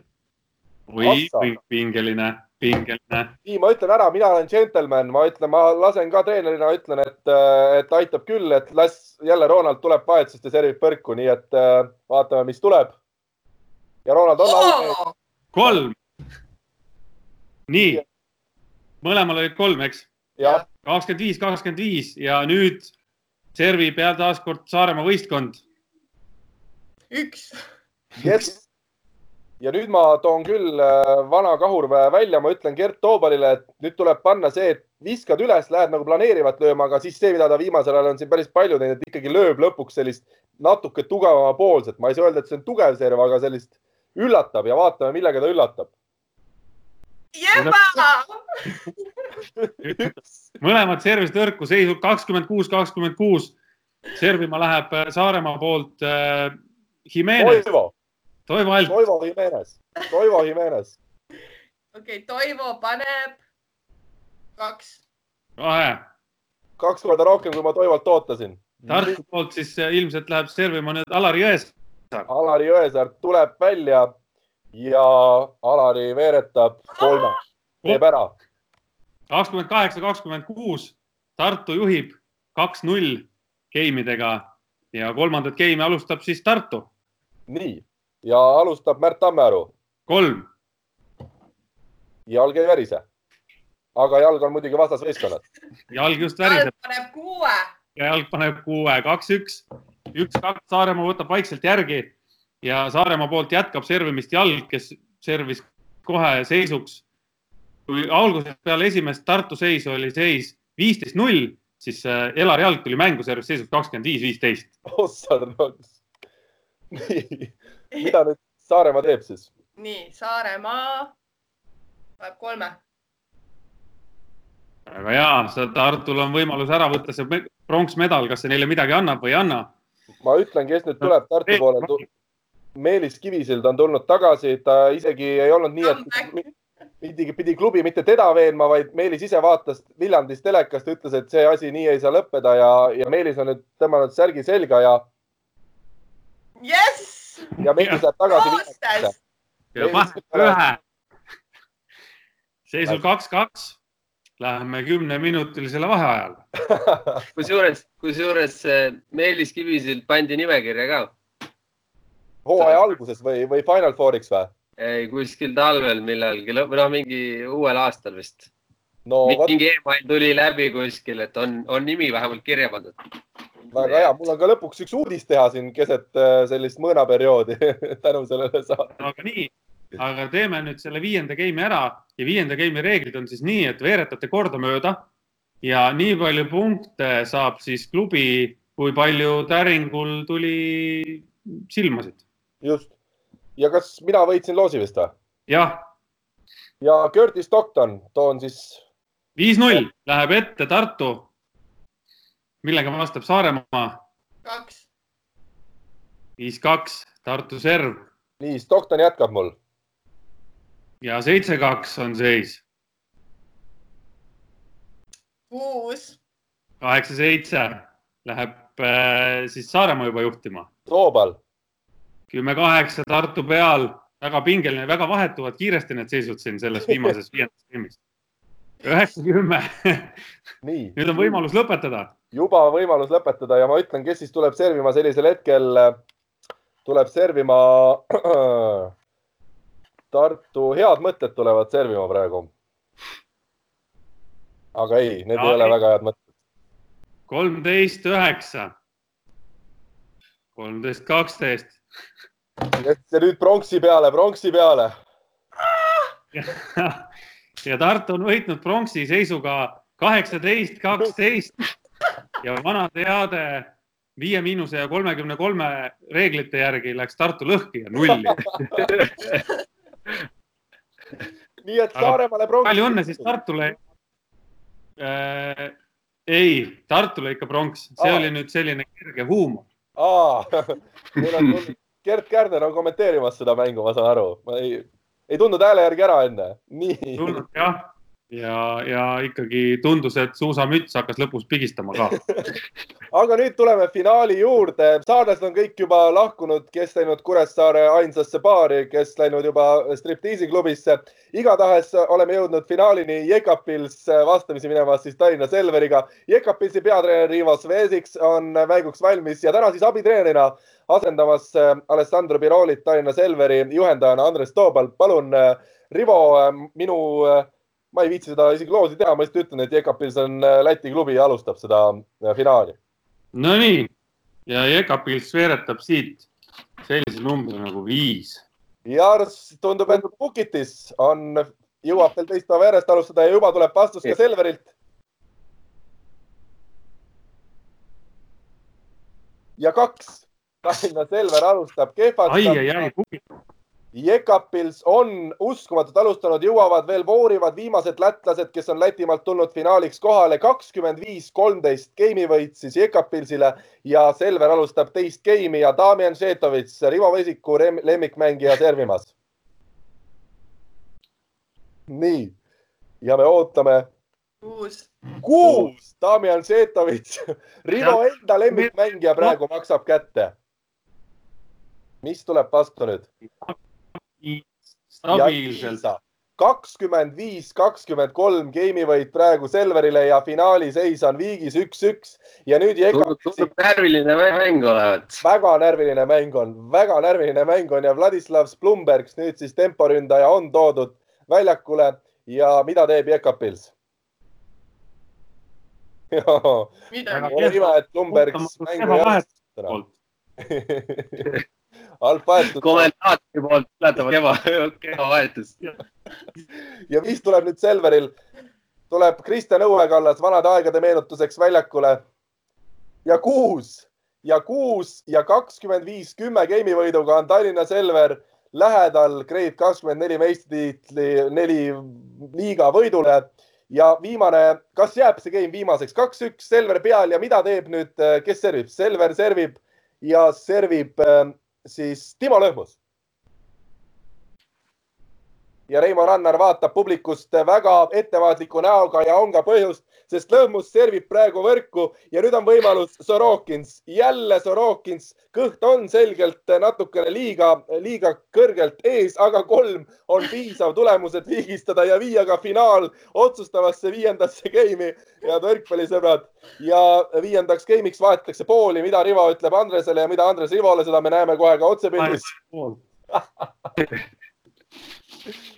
nii, kas te omavahel sõnu võrd maiuspala on. On ja vahel finaal. Selver, Selver, Selver. teravus toob mängu Ruuki. palli pargib Europark ja oleme reklaamipausilt tagasi. viimane viies game on algamas ja Rivo ehk siis ähm, Jekapils on alustamas seda game'i ja millise tulemusega, millise serviga? ja neli punkti võtab siit jälle vana hea Sorokins või Pukitis, kes ta ka iganes. tundub, et te trennis ikkagi harjutate servima vaata. ja Selveri poolel nüüd Reimo Rannar. kogenud Reimo Rannar ei eksi kunagi ja siit tuleb neli, neli.. kas Rivol oli sama või? ja, ja Rivo jätkab. niimoodi. Poolel tuleb nüüd keegi tore mees ja toob viis punkti, praegu jääb arusaamatuks, kes see oli. võib-olla mõni neljateistaastane on Limbašist toodud üle, aga mida teeb nüüd? Nii, üheksa-neli hetkel seis ja üheksa-kaheksa. Mark Saru, hea serv, toob jälle väga lähedale Selveri võistkonna. üheksa-kaheksa seisul läheb Jekapils nüüd servima ja kes, ja kes.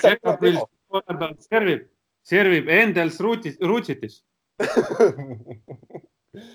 ja kolm, nii et äh, kaksteist, kaheksa. Jekapils on väga lähedal võidule, siin Selver peab nüüd õnnestuma ja tuuakse, kes väljakule, tuuakse keegi tore mees ja ta servib kaks punkti, nii et äh, nüüd on siis seis palju?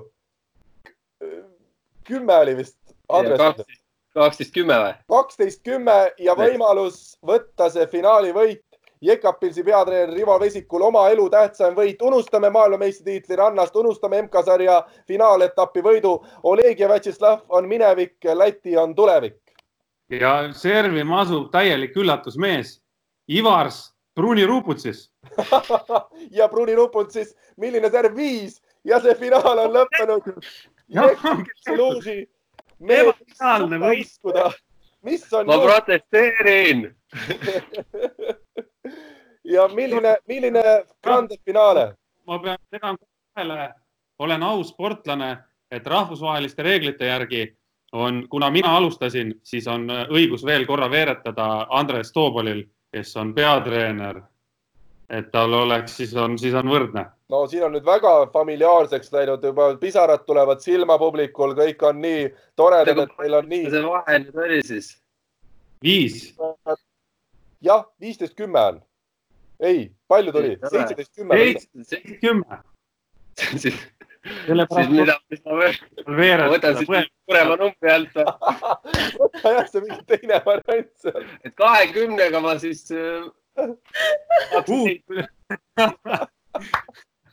nii et ei ole pääsu ka pättustest, mida Selver siin üritab. igal juhul ei saaks neli oleks tulnud, nii et kõik on nii et Rivo Vesik, äh, Laabis tienas äh, Igaunias meesteras kredits äh, kakskümmend nelis meistriliigas. What is your emotionis?